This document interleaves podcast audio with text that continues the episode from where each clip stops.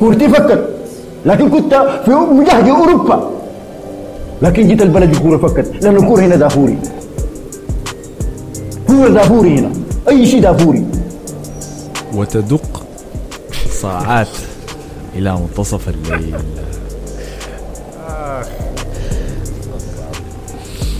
عين دقيقة قبل ما أبدأ خليني شنو؟ خليني أقفل الشباك ده. لأنه الجو بارد. والرياح وعاصفة. لكن ده الطبيعي أصلا لما تعيش في القمة. وما أبردها قمة الدوري الإنجليزي. والله حياة الصدارة دي صعبة يا أخي. متذكرة من الموسم اللي فات. ما كنت داير أكون متوحش وقاعد وحيد كده من البداية. لكن هكذا شاءت الأقدار. إن شاء الله تجيك نزلة وأنت قاعد فوق يا أخي جننتنا يا أخي. يا أخي مرحبا بكم في حلقة جديدة من بودكاست دافوري. بودكاست خلانك المفضل. نعم صحيح. بودكاست خلانك المفضل باحثين عن الثلاثة نقاط في الحياة. معكم كالعادة في الاستضافة أحمد الفاضل وأصدقائي مصطفى نبيل. يا أهلا وسهلا. وحسن فضل. خالكم صاحب المركز ال 42 في فانتسي دافوري. بدأنا مرحلة ال- ال- الوقوع والسقوط الحر. مع الشتاء بعض الإعلانات السريعة قبل أن ندشن حلقة دافوري الإنجليزي الأسبوع ده رقم واحد. ديربي باولا حيكون ملعوب يوم الجمعة في ولاية كسلة وأنا هنا بالطبع أتحدث عن لقاء مستمعين وأصدقاء بودكاست دافوري الموجودين في ولاية كسلة فإذا أنت موجود هناك وداير تحصل اللقاء ده يعني فاللقاء لا زال هناك بعض الوقت لكي تنضم إلى الشباب يعني. اللقاء حيكون يوم 8 يوم الجمعة يوم 8 شهر 12 والمنظم وهو صديق البرنامج والعضو الشرفي بالطبع في الفريق مصطفى تيكو فأنا نشرت إعلان في التليجرام نشرت إعلان في موقع دافوري تقدر تخش هناك ورسل لمصطفى تيكو في الواتساب عشان يتأكد إنك شنو تحصل اللقاء. وأنا حكون متابع الموضوع يعني في إشاعات بتقول إنه شنو حيلعبوا خماسيات حيلعبوا مباراة هناك وفي فريقين في فريق وضد الزلط وفي فريق باولا مم. واللي حيفوز بالمباراة طبعا عارفين سيفوز بقلب باولا يعني كما طلب. المستمعون فلازم. دي ال- اللي يخسر لازم تختاروا أسوأ لاعب في المباراة عشان ندخله عن قريب يا أخي. مع البقية. يا سلام يا أخي. شرفي يا أخي. آه. خلاص دي القواعد ده رقم واحد رقم اثنين عندنا قناة في التليجرام. كما صححوني يعني أكثر من مرة. تقدر تنزل فيها حلقات بودكاست دوفوري على موبايلك إذا أردت تسمعها offline في أي مكان إن كنت وأي وقت شئت. الرابط بتاعها موجود في موقع دافوري إذا دخلت خشيت الحتة الموجود فيها الإعدادات جنبها موجود حتة اسمها شجرة الروابط. تقدر تخش من هناك ولا بس تلقاه في أي واحد من صفحاتنا بتاعت التواصل الاجتماعي تليجرام إنستغرام تويتر أي واحدة منهم يعني. فبس دي كل الإعلانات قبل ما ندخل للجولة الساخنة دي من الدوري الإنجليزي. كالعادة يعني حقيقة يعني إحنا اتباركنا بجولات متتالية فيها قمم كده نارية يعني. والقاسم المشترك بيننا توتنهام. لا بد يعني. أيوه نرفع القبعة. بالتحديد لأنجي بوستيكوغلو أو العاشق كما نسميه هنا الرجل الرومانسي يعني الذي لا ينزاح ابدا عن مبادئه في كرة القدم الهجومية والجميلة. عايزين تبدوا المباراة دي ولا عايزين ولا عندكم مباراة ثانية عايز تبدوا؟ بالتأكيد لازم نبدأ بها دي, دي كانت القمة ال- المشتعلة. لحد هسه الناس بتتشاكل في ال timeline لأسباب مختلفة يعني بس أيوه. وكيف الحكم صفر؟ وليه وهالاند. وهالاند زعلان طبعا مش نزل تويتر. كتب WTF ما مصدق يا ولد ليه أنت عندك شنو؟ في واحدة تانية عجبتك أكثر؟ لا لا أنا كان أنا كنت ابدا بالفيل. لكن ما الفيل اللي فوق الشجرة الفيل الفيل في الغرفة يا مانشستر يونايتد لكن يا خلاص خليهم ساتر. بعدين. يا ساتر. كذا أشوف لك ممكن نمشي لهم اي نمشي لهم بعد ما نخلص. يعني نمشي لقطبين مانشستر. فبالتأكيد لازم نبدأ بمواجهة مانشستر سيتي في الاتحاد ضد توتنهام المتسبق السابق ضد والله ما المتسبق الحالي ذاته يعني المنافس على مراكز أوروبا مانشستر سيتي. حاليا الذي يجلس في المركز الثالث وراء ليفربول وأرسنال في صدارة. ما الد- الدنيا دوارة يا زلمة. بالراحة بح... أنا بحذرك يا زلمة من حس فهناك الكثير يعني. طبعا كمية من التعليقات عبد العزيز قال أخيرا السيتي ظلم تحكيميا. ومانشستر بلو قال يلعن أبو التحكيم على السيتي على الدوري على الكورة ذاته. وأنا دمي انحرق وأنا بحضر المباراة. أعتقد ده ده اللي بيشجع السيتي الوحيد اللي عندنا في التعليقات مانشستر بلو ما عندنا هم. ثلاثة بس يعني. كويس إحنا عندنا واحد. هذه حاجة كويسة يعني. آه، فطيب هاي كانت مباراة رائعة طبعا من الدقيقة الأولى. يعني ما كان عندي أي وقت. كنت بحاول أطبخ في تويتر في تاني أشتبك لك مع الناس وبتاع لكن ما ادوني فرصة ذاتي. كنت لازم من أول دقيقة يا man. corner للسيتي. أول دقائق. corner للسيتي. انقطع رأسية وسط الميدان. سون. سباق بين سون ودوكو. على الهدف. سون قال له زي يعني امشي عليك الله يرتاح طار تطبخ من هنا. أنا الطباخ هنا. ده مطبخي أنا ومشى بعد ذاك سجل هدفه المعتاد السنوي. يوم بن سون ضد مانشستر سيتي. من, من بداية المباراة يعني. كل مرة. شوطه كده weak يا man كل مرة. بي- بتقلش بي- وبتخش. بيت- بيتفقها كده ولا بتخش بين رجلين ولا. فأنا كان عندي مقوله بقولها كل سنة في البودكاست ده إنه إذا الدوري لتوتنهام ال 38 مباراة كانت بتتلعب ضد مانشستر سيتي توتنهام كان حيفوز بالدوري أوه، ما عارف أنا في شنو الموية حقت التدريبات يعني بتاع توتنهام ولا شنو لكن دائما عندهم حاجة موجودة في الحمض النووي بتاعنا انه مانشستر سيتي ده إحنا بس ده لعبتنا. وفعلا أدونا مباراة رائعة. فتوتنهام يتقدم عن طريق سون من البداية لكن سون كان داير يسجل هاتريك في المباراة دي فقام قال يا أخي أسرع طريقة إني أسجل تقوم في توتنهام ذاته يعني فمش أسجل هدف في فريقه من طريق آه، كانت كرة ثابتة صح؟ بس تعامل سيء معاها. والمباراه مولعه من الشوط الأول ده ده اول جول يدخل في نفسه في في في مسيرته كاملة يعني. اي أي. وطبعا لازم نقول إنه توتنهام كان داخل المباراة دي ب يعني تشكيلته اللي شارك بها في المباراة اللي فاتت أستون فيلا اللي هي عنده أربع أظهرة لاعبين في دفاعه. نسبة للإصابات. توتنهام عندهم تشكيلة كاملة من 11 لاعب كلها برا. يعني شفت كان سكاي سبورتس عاملينها جايبينها 11 لاعب كل المراكز عندهم اصابات لكن يتعاملوا مع عشان كده شفنا ده. ال- الانهزاز بتاع ده. لكن ده الشيء اللي اتحسب لهم يعني إنه بالرغم من كل هذه الإصابات شوف ال- اللي قاعدين يعملوا. آه ده كان ده كان كلام خالد أحمد سليمان قال إنجي صنع لفريقه هوية وشكل في وقت قصير جدا لم يقم بسوق خرافي لكنه يقد- يقدم كرة قدم ممتعة جدا وحديثة وفيها انسيابية تسحر. تسحر الجالس يتعامل مع ظروف فريقه والاصابات بشكل خارق تجاوز فيه المنطقة. أعتقد المدح في مكانه لانجي بوستي في ال- في المباراة دي بالذات يعني. اللي حقوله يعني وأنا شايف الناس ما بتتكلم عنه في الشوط الثاني ما حاسس إنه هو لعب بنفس الأسلوب بتاعه. في الشوط الثاني شايفه كان متحفظ أكتر يعني قال لهم ما روقوا شوية مان. فما كان في خط عالي ما كان في ده ما ده ما أسلوبه العادي يعني. فأنا شايف غير تكتيكه شوية. ودي عاد تحسب له يعني أنا كان انتقدت منه إنه كان كنت شايفها حاجة ساذجة شديد يعني إنه يلعب بنفس الطريقة الهجومية في كل المباريات فشايف في الشوط الثاني غير أسلوبه شوية يعني. لأن في الشوط الأول توتنهام ما كان بعد يتدخل الجول يعني ما كان لاعب كويس آه، سيتي ضيعوا فرص كثيرة ما استفادوا من الافضليه بتاعتهم في الشوط الثاني شايف يعني رجعوا بدأ يدافعوا أحسن يعني ده أقول عميق لك. إنه هو دافع في الشوط الثاني أكثر نسبة لكمية الفرص اللي وقعت لمانشستر سيتي في الشوط الأول ذاك. آه فدي حاجة تحسب له يعني دي حاجة أنا بحترمها. دي, دي الحاجة اللي أنا كنت طالبها منه يعني عشان تقدر تطلع من النقاط. لأنه لو كان لعب خط التسلل اللي في نص الملعب جنب رودري ده ما, كان حت ما كان حتخارج معاه يعني. آي. هو أنا حديك نظريتي في الموضوع ده شنو؟ لكن بس عشان أواكب الناس بعد ذاك أيوه السيتي سجل الهدف الثاني في الشوط الأول كان عن طريق فودن باصات مجنونة يعني. آه، لعبوها لعبه السيتي عنده وخ- سيلفا يا أخي. اي برناردو سيلفا كالعاده المزعج جدا. برناردو سيلفا ده أحسن لاعب في مانشستر سيتي. أنا وقت بدأت خلاص أقتنع بالحاجة دي. الزول ده أحسن لاعب في الفريق ده كامل يعني. ما من دي بروين ما أحسن من دي بروين أنا شايفه بيعمل حاجات أكتر من دي بروين لا لا لا أنا شايف- دي بروين شديد. لا أنا شايفه تكتيكيا بيعمل حاجات أكتر من دي بروين يا أخي الزول ده بيلعب بيلعب وبينظم الدفاع تحت يعني زحيه عشان ما ألاقي واحد يعني. تلقاه بيلعب بت- تحت الظهير بيلعب هنا يعني. بتحب فيا اللعيبة يعني. المتوازنين ديل؟ أنا لاحظت لك أنت.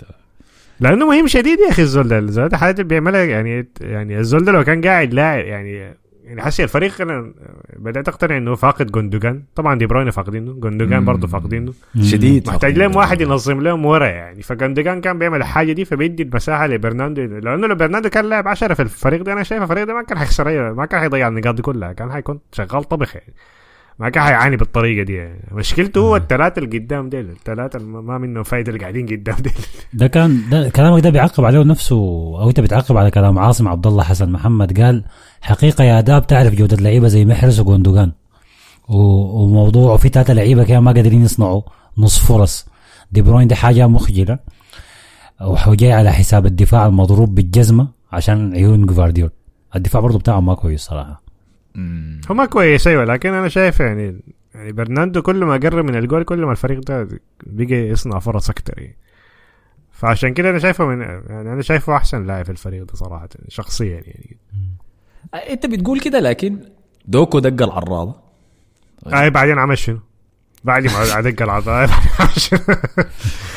لا تمسك لي في الحاجة دي. كان عارفه والباص بتاع الجول الثاني بعدين ها عمل شنو يعني بعد المباراة دي؟ أي. هو طبخ في الجول بتاع سون. لا ما عشان أوريك إنه في عامل حظ يعني في في موضوع إنه توتنهام ما مرق من الشوط الأول وهو خسران بنتيجة أكبر. ثاني كان عندك أيوة. فرصتين. cash money. يعني بتاعين هالاند. مضمونات. ديل بيسجلهم هالاند في أي أسبوع آخر. ضيعهم الاثنين برضو. فده اللي أدى لأنه المباراة خشيت الشوط الثاني بنتيجة 2-1 فقط. مع إنه الشوط. الأول التفوق يعني كان لمصلحة السيتي بوضوح يلا هالاند okay هالاند المفروض ما يضيع, ما يضيع الفرص دي لكن هالاند أنا اللي ححسب له يعني الناس هتنتقد عليه الفرص دي لكن أنا بحس يعني نوعا ما عنده عنده إضافة للفريق يعني حتى لو إيجابية يعني. يعني موضوع ال- الجول اللي صنعه ل لجريليش. ده كان صناعة ممتازة برضه يعني حاجة حاجة حاجة زيادة تحسب له إنه بس ما مهاجم يعني. فأنا بشوفه بيعمل حاجات في الملعب لكن المشكلة في دوكو ألفاريز و- وفودن كل ما الوقت مرة الناس بتختفي يعني. فواحد في التعليقات برضه قال إنه دوكو ما لعب كتير شنو آه ده أنا كان أنا حيدر قال لك طبعا كان كان باين إنه موجه لك أنت يا مصطفى. قال لك يا شباب آه، دوكو ده ما لعب كثير عشان يتردم قدره ده. هسه لو كان في الريال أو أرسنال ما كان قلتوا حاجة. مصطفى يقول لك والله ما بعرف بس أنا شايفه محتاج وقت. هو محتاج أنا ما ما حقول. أيوه أنا عارفه إنه ده اول موسم له وعارف إنه لسه لاعب ني وممكن بعد ثلاث سنوات يبقى أحسن جناح في العالم. لكن حسي بقول حسي هو. هو حسي ما اضافته ما كويسه شديد يعني. بيختفي في المباريات ما ما عنده استمرارية بيلعب مباراة واحدة كويسة. بعدين كلامي ده اللي بقول عشان الناس رفعوه في السماء يعني بعد ما أربع مباريات في ضد بورموث ولا ضد منو يعني. ف بعد ذاك لما شافوك طبخ ترند ثمانية مرات في المباراة دي راوغوا بعد ذاك ما كان في أي ناتج لكن المباراة آه الناتج هو في الآخر الناتج. يعني بعد ما الضربة العارضة دي كانت متذكر انه ضربه العارضة بعد كده ما شفت منه أي حاجة تاني. يعني وغير المساهمة بتاعت الجول ديك الباص الأول بتاع الباص الأول لبرناندو كان ال- أنا حأقول لك ال- كان في لعبة تكتيكية بين بوستي وجوارديولا في المباراة دي. والفاز فيها في النهاية كان بوستي. يعني أنا كنت حاجي البودكاست ده وأمدح بوستي وأثني على مجهود توتنهام وما قدموه في المباراة سواء كان خسروا ولا تعادلوا. ما في فرق. لكن فكرة جوارديولا كان واضحة بأنه عارف إنه بوستي حي... حيتقدم ويحاول يهاجمه فقام قال خليني أبدأ بدوكو من البداية عشان أطبخ العباية دي اليابان وأفوز بنتيجة كبيرة وأحسم المباراة أسرع ما يمكن. والتكتيك ده نجح في الشوط الأول وترجمت لفرص عديدة لكن خذله الحظ. بعد ذاك في الشوط الثاني كان ردة الفعل من من بوستي واللي هي دي اللي تفوق فيها يعني صراحة على بيب جوارديولا. لما ما نجح دوكو قام دخل جريليش. ففي الوقت اللي كان مطالب فيه السيتي إنه يسجل هدف في المباراة بقى هو بيهدي اللعب زيادة جريليش. فانعكس السحر على الساحر. ده غير إنه بعد ده خسر السرعة يعني في الخط الهجومي القدام. لكن الشوط الثاني كده. تفوقوا فيه توتنهام يعني مع كمية الضغط. الهدف اللي سجله حتى جريليش ده ما كان جاي إلا من خطأ بسومة. اللي لسبب ما يعني في في وقت حرج من المباراة وكان بعد ما تعادل يعني كان بعد ما لو سيلسو سجل الهدف الرائع ذاك من خارج الصندوق من الحافة سجلوا في إدرسون الناس بعد ذاك برضه تاني قاعد تعاين لإدرسون كده بعين كحاجز ولا ما حاجز. عين حاضر شنو أنت شايفها مصطفى كان المفروض يصدها ولا شايفها يعني والله هو ادرسون أنا ما متذكر الجول كويس لكن هو ادرسون مستواه ما كويس فعلا. لفه عليك حوالين وكده وإذا عينت الصورة الكبيرة يعني السيتي سجل جونين بس في المباراة دي. توتنهام سجل أربعة. بالضبط. هذا هو أداء ف- ما كانوا كويسين. يلا عادين دي النقطه أنت قبل قلت إنه يعني كان الحظ ما مع لعيبة السيتي في الشوط الأول كان نتيجة ممكن تنتهي أكبر من كده. ده من ناحية فرص لما يصلوا للمرمى. لكن طريقة صناعة الفرص والوصول ذاته للمرمى كيف؟ والسيطرة على المباراة. السيتي ما كان كويس. ما السيتي اللي أنا بعرفه ذاك أيوه. يعني انه يعني انهى أنه توتنهام فريق جريح ما عنده لعيبة مصابين ما عارفين يلعبوا كورته. لا لا لا السيتي توتنهام كان ند يعني قوي للسيتي. يعني ما حرم السيتي إنه يلعب الكورة اللي هو عايز يلعبها دي. فما كان مستواهم كويس. الثلاثه ثلاثة ذاتها يعني نوعا ما فيها نوع من الظلم لتوتنهام أنا شايف. ال- الحل قدام الوحيد اللي ممكن ينقذ مانشستر سيتي. طبعا دي بروين لازم يرجع. ولما دي بروين يجي راجع برناردو سيلفا لازم يلعب جناح بعد كده.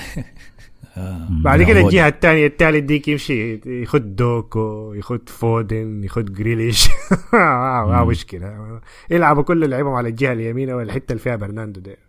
الفرصة الوحيدة اللي حيقعد فيها. ده كان لأنه بعد. كده ما بتج ما بتتجازف. فالناس الثلاثه ديل كلهم آه ما ما ما شايفين شغلهم.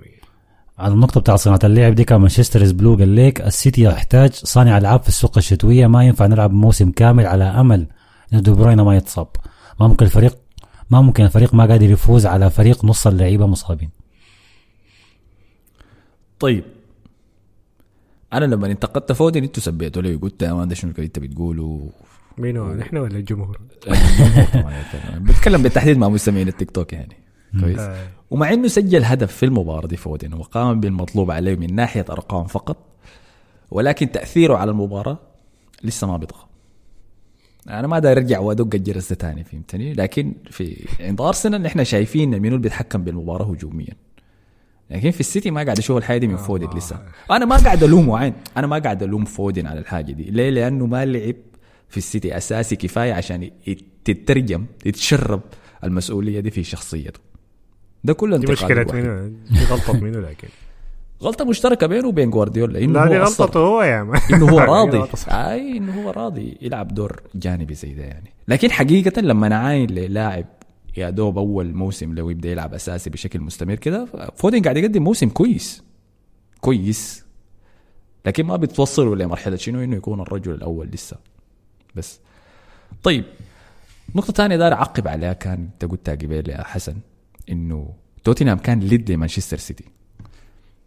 فأنا كنت قاعد أحضر المباراة دي بالتعليق آه، الإنجليزي وكان جاري نيفل كان في في التعليق.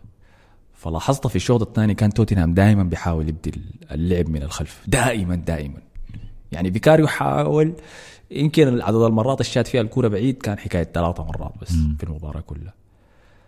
فكان بيلعبوا الباصات بيلعبوا وفي دقائق كانت مرعبة. يعني أنت شفت إيميرسون رويال كان بيعمل شنو؟ يخسر الكورة ويباصي دوكو ويباصي لبرناردو سيلفا يعمل يخش رعب كانت رعب. ولكن مع ذلك يستمروا يستمروا في ممارسة شنو؟ ما مرنهم عليه المدرب على هويتهم على رؤية أنجي بوستيكوغلو. ولاحظت إنه كل المرات اللي كانوا بيطلعوا فيها من الضغط بتاع مانشستر سيتي بالبناء من الخلف كان بيصلوا على الأقل لصندوق السيتي بالطرف الآخر.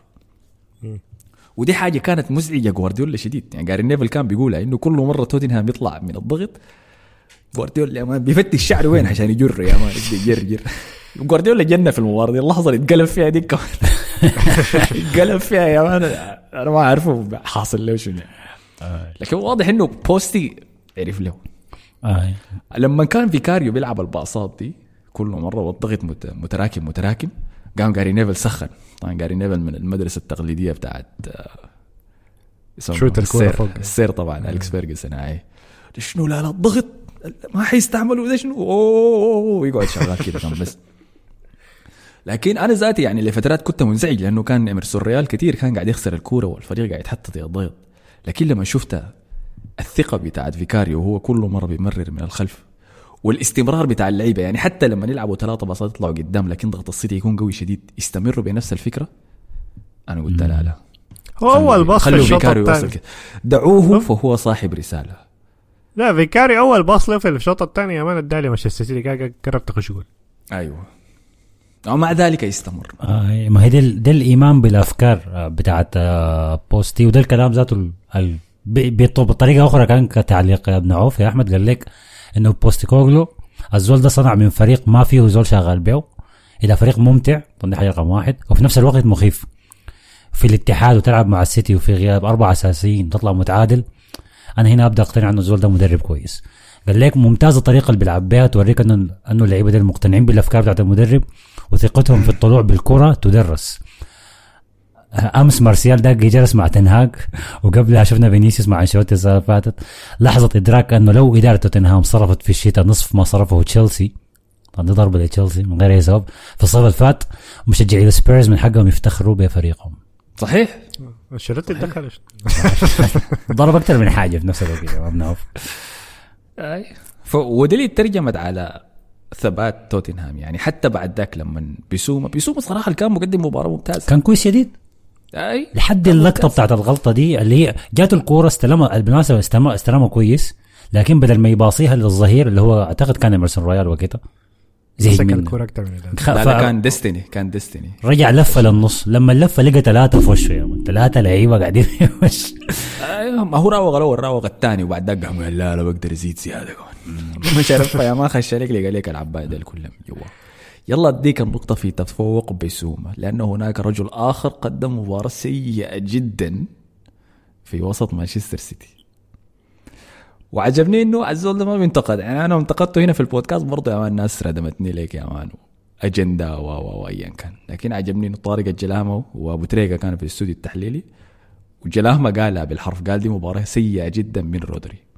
كمية المساحات الفاضية اللي كان قادر يخلقها توتنهام في وسط الميدان ويعزلوه واحد على واحد لحد لما رودري أخذ شنو؟ كرت اصفر أساسا دي يا سلام.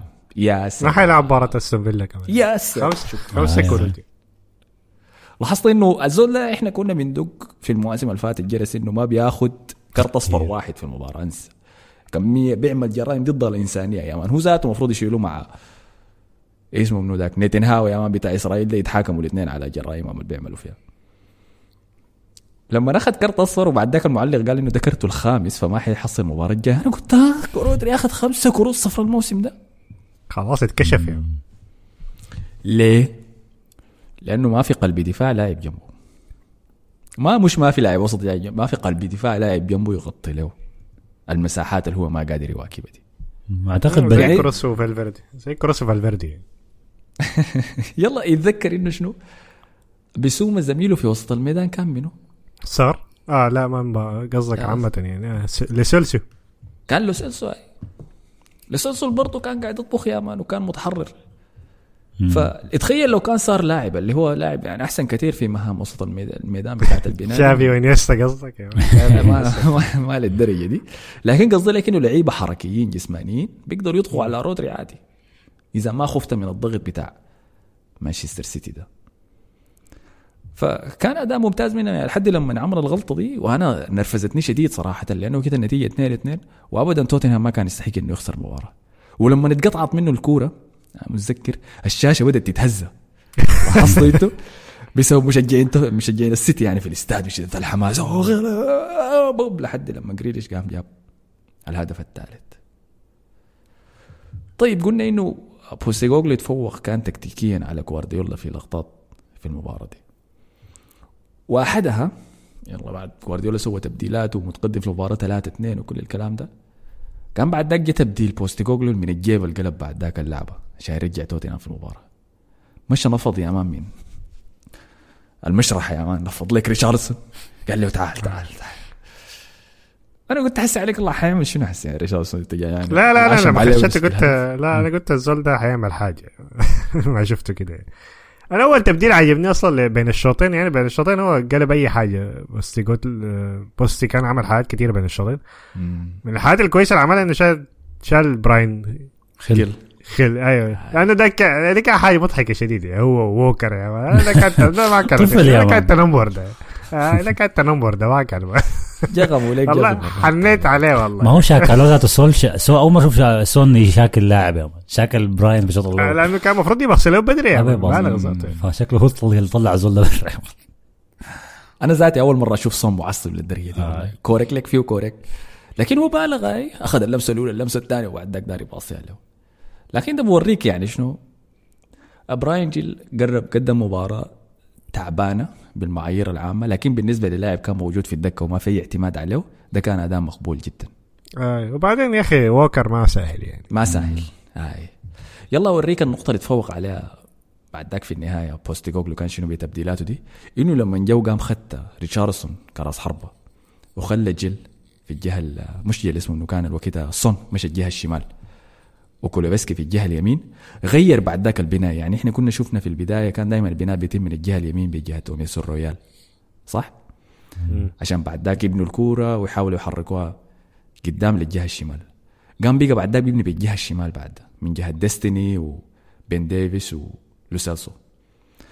ففي الهجمة بتاعت الجون الثالث الجا من التعادل في النهاية بنوا الهجمة بالجهة الشمال لعبوا الباصات جروا بعد ذاك لعيبة مانشستر سيتي للجهه الشمال دي اللي هي موجود فيها ووكر لأنه كان عارف إنه الجناح الموجود عند ووكر ما حيقدر يتفوق عليه واحد على واحد فما حيقدر يسجل من الطرف ذاك لكن طيب بسيطة يعني شنو؟ خدت صون هناك بنوا الهجمة بالجهة الشمال اللعيبة كلهم مشوا الجهة الشمال صون من هناك رفع عرضية للجهة اليمين كان كده دخل ناثن آكي المدافع ممتاز جدا جدا في الواحد على واحد آكي صح؟ يمكن من الأفضل في الدوري لكن شنو؟ قصير فقام جاليك يا مان طيب الذكر كولوفسكي وعداك براسيه شاحنة بس يا مان بلد قلبوا ليك يا مان ده الشقلة في الهواء. أحلى الأهداف اللي أنا بحبها يا man. أنا بسميها ال dunk يا man دي من كرة السلم. تجي تعمل dunk يا man فوق اللاعب كده. عمل عليك فيه وكرفس عليك في الأرض ودخل لك. طبعا الهدف كان فيه لمحات أنت مشجع توتنهام بيذكرك فيه طبعا هاري كين طيب الذكر. يا سلام. ده كان تخصصه هاي لكن كولوسيفسكي سواه وقام بعد ذاك مشى سوى احتفالية. امبويمو لاعب برينفورد يعني. طبعا شفتوها دي, دي, دي احتفالات ليبرون جيمس بالمناسبة. كلهم سارقينها. ما هو ليبرون جيمس ذاته هو أساسا ليبرون جيمس. أنا قلت لي أسوي احتفالية امبويمو يا شنو؟ يا أخي آه ذكرت ليبرون جيمس. فعشان تنتهي المباراة بنتيجة ثلاثة ثلاثة. كان مباراة رائعة شديد. عجبت عجبت فيها جدا جدا بأنجي بوست بوستيكوغلو لا زلت غير مقتنع إنه الأسلوب ده مستدام لأن الأكس جي بتاع توتنهام كان 0.5 يعني الأهداف اللي سجلها دي كلها التسديدة بتاع سون في ادرسون دي المفروض أي حارس يصدها آه، تسديدة لوسيلسو من حافة الصندوق من برا هدف مجنون أنا شايفه ما شايف في امل لادرسون يسوي شيء. وبعد ذاك العرضية جا دخل منها كولوسيفسكي الجون. وحتى لما دخل الجون ال- الرأسية كانت في الزاوية ال 90 يا man فما كان في اي امل ادرسون بس عن هدف ممتاز شديد الرأسية ممتاز شديد. أنا قبل المباراة كنت يعني كنت زهقت من من حملة التعاطف مع توتنهام الجريح لعدة أسابيع ورا بعض. كنت زهقت منها صراحة كنت شايف الناس حنة على توتنهام سايب تتجاهل أغلاطهم. لكن في الكورة دي أقنعوني إنهم بيلعبوا كورة يعني بمن حضر يعني توتنهام بمن حضر باختصار يعني. ودي ودي كانت بالنسبة لي حاجة مذهلة بالذات قدام قدام آه، السيتي السيتي بالمناسبة ال- المتعادل ثلاثة مباريات ورا بعض. ما فاز اكل أربعة من تشيلسي أكل ثلاثة في المباراة دي. تعادل مع ليفربول المباراة اللي فاتت. واي واحد. يعني كده ثمانية أهداف في آخر ثلاثة مباريات في الدوري الإنجليزي. دي ما حاجة كويسة خالص يعني. فدي عم حاجة لاعب ليه جو- جوارديولا بلاعب ليه صغيرة؟ يا خلاص اقتنع إن البتاع دي ما زي زيرو ذا فورث قال لك كده مصطفى قال لك لازم تبدو محادثات عن أخطاء روبن دياس الكارثية والمستويات السيئة اللي بيقدم فيها جوارديولا دي. وعاصم عبد الله حسن محمد برضو قال جفارديول لاعب كويس يا شباب بس مقارنته بآكي ولا قريب منه. بيب للآن ما لقى التشكيلة المثالية منتظرين بس موضوع دوكو ده ما بيتجازف. آه،. جوارديول كويس لكن ما هو أصلا ما ما ما ظهير يعني هو قلب دفاع فانا واول موسم له فممكن واحد يمشيها له يعني لكن لكن هو ما كويس أيوه فعلا ما هو كعب. كويس آه، كعب دياز برضه ما لكن المشكلة في دياز ذاته المفروض يكون أحسن من كده. دياز مثلا في هدف لوسيلسو ده كان عشان نزل في الأرض داير يقرا الباص يا man حيلعب لوسيلسو بدل ما. هو بيعمل الحركة دي كثير بالمناسبة يعني حتى الهدف اللي دخلوه تشيلسي فيهم تسديده جالجر اللي بعد ذاك وقعت ل ل اسمه منو؟ نيكولاس جاكسون. كان برضه حاول يعمل نفس الشيء بيحاول بيرقد بدري قبل ما الباص يتلعب عشان يقرأ الباص يعني قبل ما يتلعب. وبعد ذاك بياكل التسجيل اللي بيكون بيتخش. فهي مستوياته ما كويسة حسي. الفريق ده من ال- مفتقد بشدة لجون ستونز. ستونز آه، رجع خلاص الكرة كان قاعد. في التشكيلة. لا. جاية لكن هيكون رودري حيكون ما. قاعد. يكون مكان رودري معنا. يكون هو الارتكاز ضد أستون فيلا. كرة الإسبان. وخالد أحمد سليمان قال انجي صنع لفريقه هوية وشكل في وقت قصير جدا. لم يقم بسوق خرافي لكن يقدم كرة قدم ممتعة حديثة فيها انسيابية. تسحر. جالس يتعامل مع ظروف فريقي والإصابات بشكل خارق تجاوز فيه المنطق. قرينا التعليق ده. كان طب نمشي للنقطة اللي إحنا عايزين نجيب سيرتها. أها. اللي هي القالها واتكسر. قال أغرب قرار تحكيمي الدقيقة 93 ليه الحكم ما داير يصفر؟ وهل في صار من الدوري الإنجليزي انه التحكيم يكون متصدر المشهد ولا لا؟ أنتوا كانت يعني ردة فعلكم للاولية اول ما حصلت اللقطة دي من أنتوني تايلر لما مشى اللعبة بعد ذاك صفر لما كو وصل لجريليش كانت شنو؟ أنا ما صدقت كنت- اي كانت غريبة شيء لكن أنا ذاته شكله ما أتوقع إنه هالاند يطلع له باص لأنه ده باص مجنون عديل يعني. قلت إيش من اين لك هذا يا هالاند؟ إيش الباص المجنون ده؟ مش هاي. باص من دي بروين بس يا إيش باص غريب يعني. هو قال آه هذا نطلع الباص اذا الباص ده ما هيمشي آه، كنسل الهجمة. آه لكن هي غريبة شيء لأنه رجع للفاول بعد ما هنا. هو قال فاول بعدك مشى. اللعبة بعدين قال فاول تاني. وأنا أنا في لحظتها man عاينت. عاينت للحكم مساعد. قلت احتمال المساعد رفع الراية وأنا بعرف أنتوني تايلر. من الحكام ال- ال- التقليديين اللي هو ما عنده حاجة اسمها إتاحة الفرصة. الحاجة بتيجي في راسه بي- بيطبقها طوالي. لكن لقيت المساعد ما قال اي شيء آه، ده مبالغ يعني. لكن ال... ال... ال... لقى الكورة لقى الكورة مع هالاند قال ما حيعمل حاجة. خلينا اصفر له سيء لكن الطريقة اللي هجم فيها هالاند على أنتوني تايلر مرعبة يا. مرعبة عادي. حاجة ضخمة كده يا منر ويجي بتكورك فيك. ما شفت حصان هو- خايف للدرجة دي. لا هو بس نرفز سيء لكن هو ما ما كان حسسوني ضربة جزاء ولا حاجة يعني ما كان الموضوع ما كان كبير للدرجة دي. أو أول شيء عاينت له وأنا كان بعد ما هو صفر يعني عشان أشوف مدى خطورة ال advantage دي كان عاينت الباص ده تلعب لمنه لأنه في البداية كان قايل له تلعب لفودن. فإذا كانت مشت لفودن أنا شايف احتمالية إنها تنتهي بهدف كبير. لكن لما عاينت بعد ذاك طلع إنه لعب الباص لجريليش يا أخي أنا قلت عليك الله يا ده الحسد ما عين هو حتى لو ما دخل جول هو من حقه جريليش يعني. لكن بيقدر يمسك الكورة عشان لحد ما هالاند يجي بعدين يلعبها باص. فمن الناحية دي خطيرة يعني. بدأت ترجعها تاني لنص الملعب ويرجعوا دفاعهم يعني. ف آه من كان الناحية يتصرف دي- بطريقة ما يعني. آه كان ممكن تجي فرصة صعبة. يعني أسأل سؤال هل هل جزاء. هل هينزلوا اعتذار اتحاد الدوري الإنجليزي؟ بتاع رابطة الحكام. آه، شيلوا معاهم يا زلمة. يلا أنا مشيت عاينت لصفحة الفيفا بتاعت قوانينهم. عن شنو أصلا إنك تدي الأفضلية الأدفانتج؟ 200 تتلعب و200 لا. فلقيت إنه في أربع قوانين لها. رقم واحد كان إذا لاعب عمل فاول وكان خطير يعني كانت تدخل قوي جدا جدا الحكم ما بيلعب أدفانتج بيصفر عليه طوالي. فده رقم واحد. رقم اثنين كان إذا. آه لا كان إذا فيها لمسة يد فلمسة اليد ما بتلاقي فيها ادفانتج برضه ما بتتمشى. آه رقم ثلاثة واللي هي كانت غريبة كانت مراعاة الحكم لأجواء المباراة. اللي هو أغرب صيغة لقانون أنا أشوفها لأنه دي دي بحددها كيف يعني.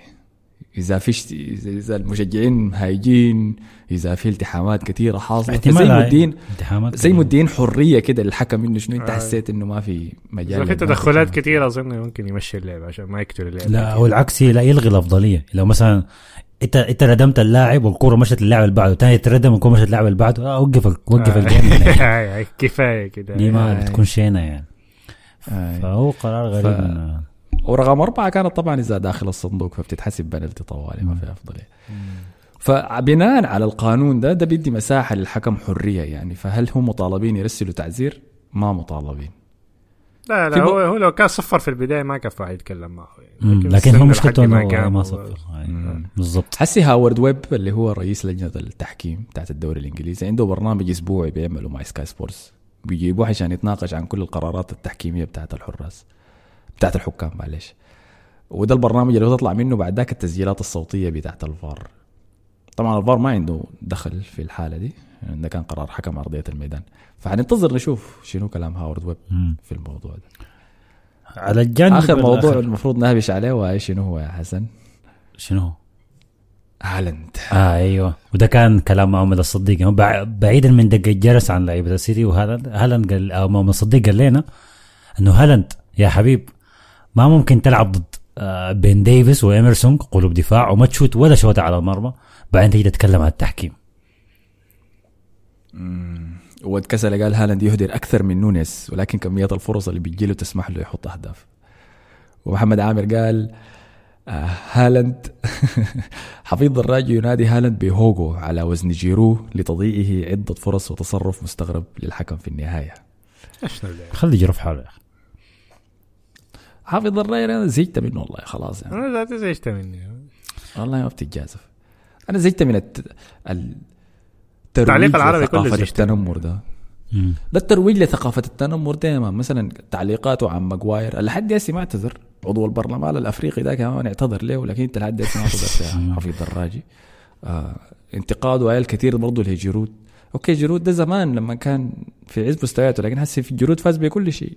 ممكن فاز بدوري الأبطال بالدوري الإيطالي فاز دخل كأس الأسبوع. اللي فات في دوري الأبطال يعني. أي.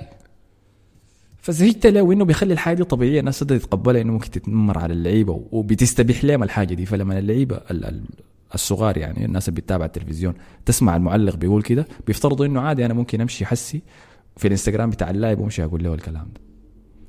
طبعا حسي إحنا بنتكلم عن لعيبة في الدوري الإسباني والإيطالي والحاجات دي ما بتأثر لكن انتظر لما كأس العالم يجي.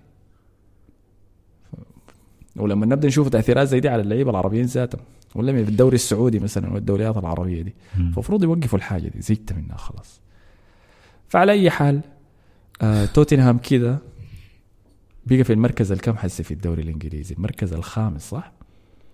اي على بعد ستة نقاط من المتصدر أرسنال.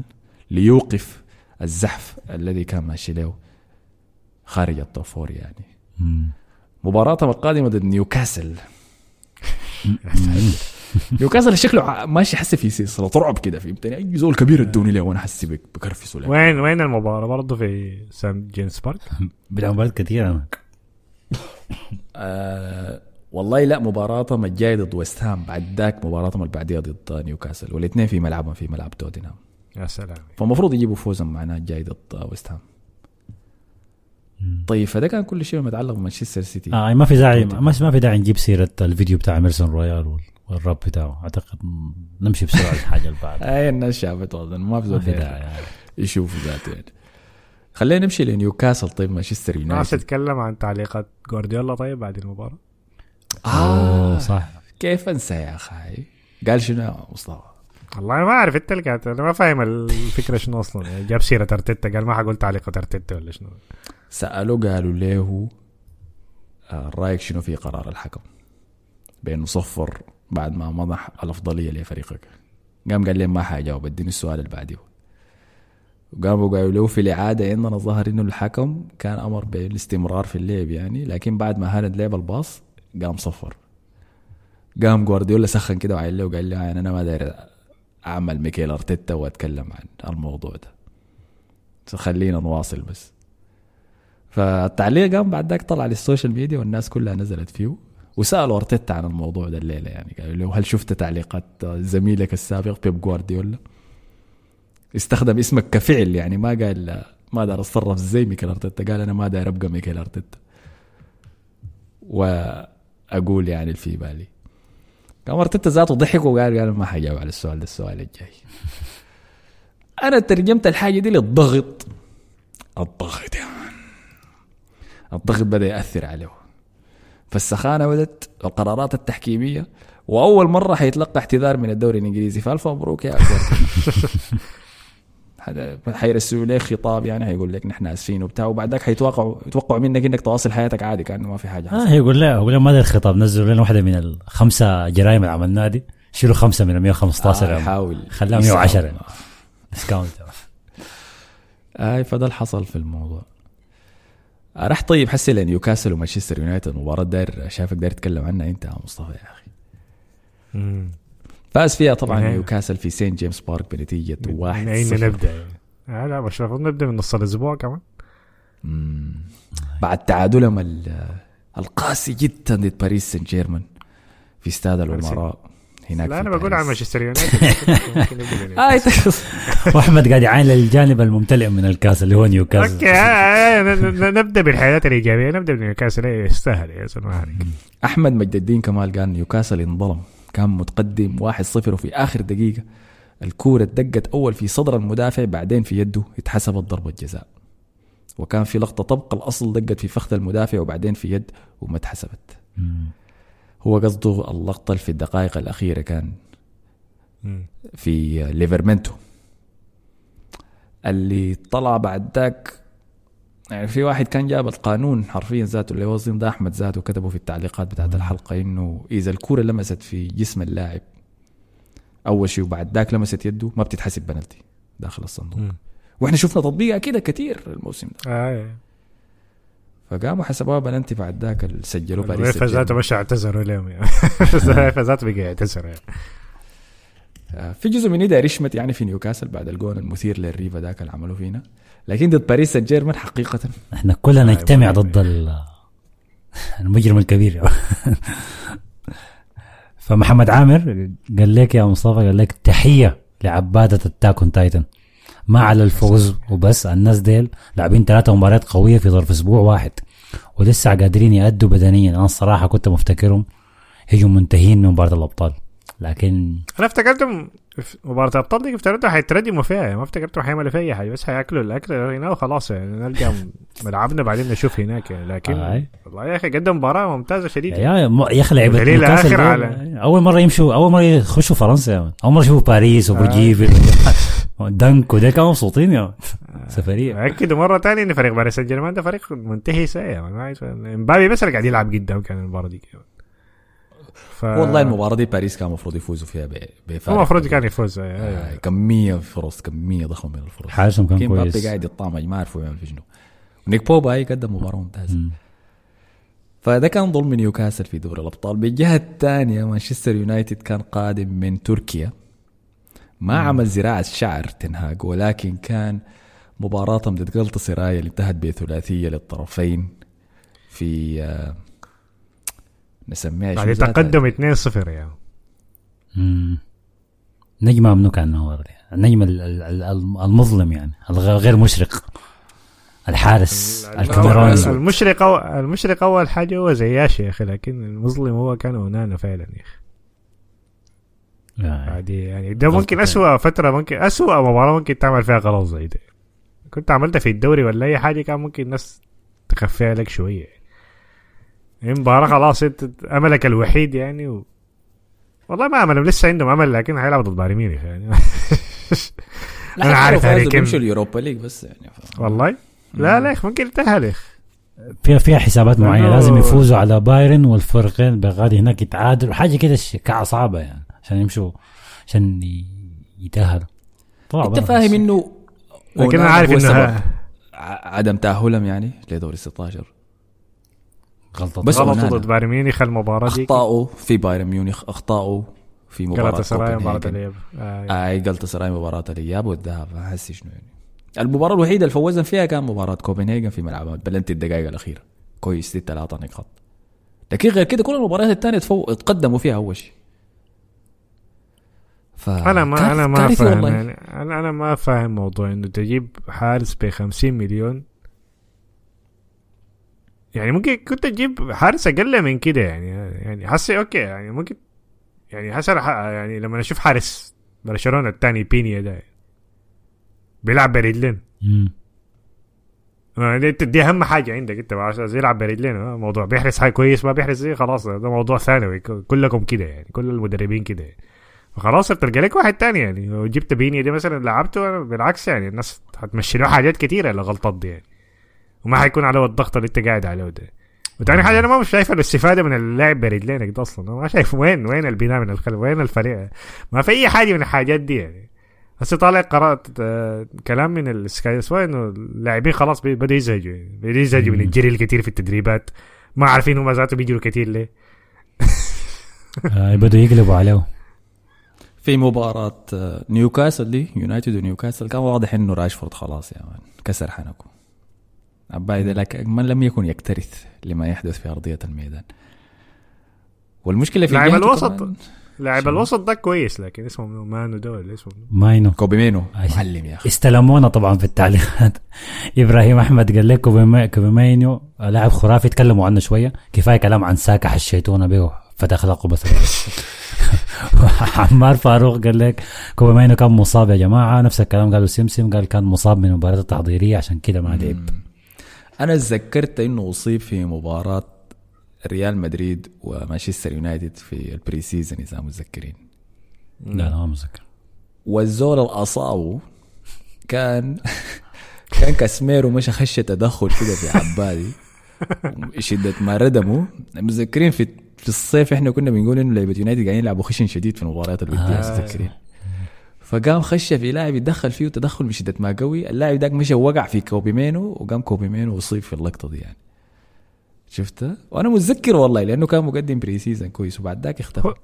ولاعب ما كويس. أنا اللي بيعجبني وإحنا في الحلقة اللي فاتت أنا اللي بيعجبني فيه إنه لما يستلم الكوره حتى الكوره لما تكون جاية لسه الكوره ما استلمها بيكون بيعاين يميني شوية.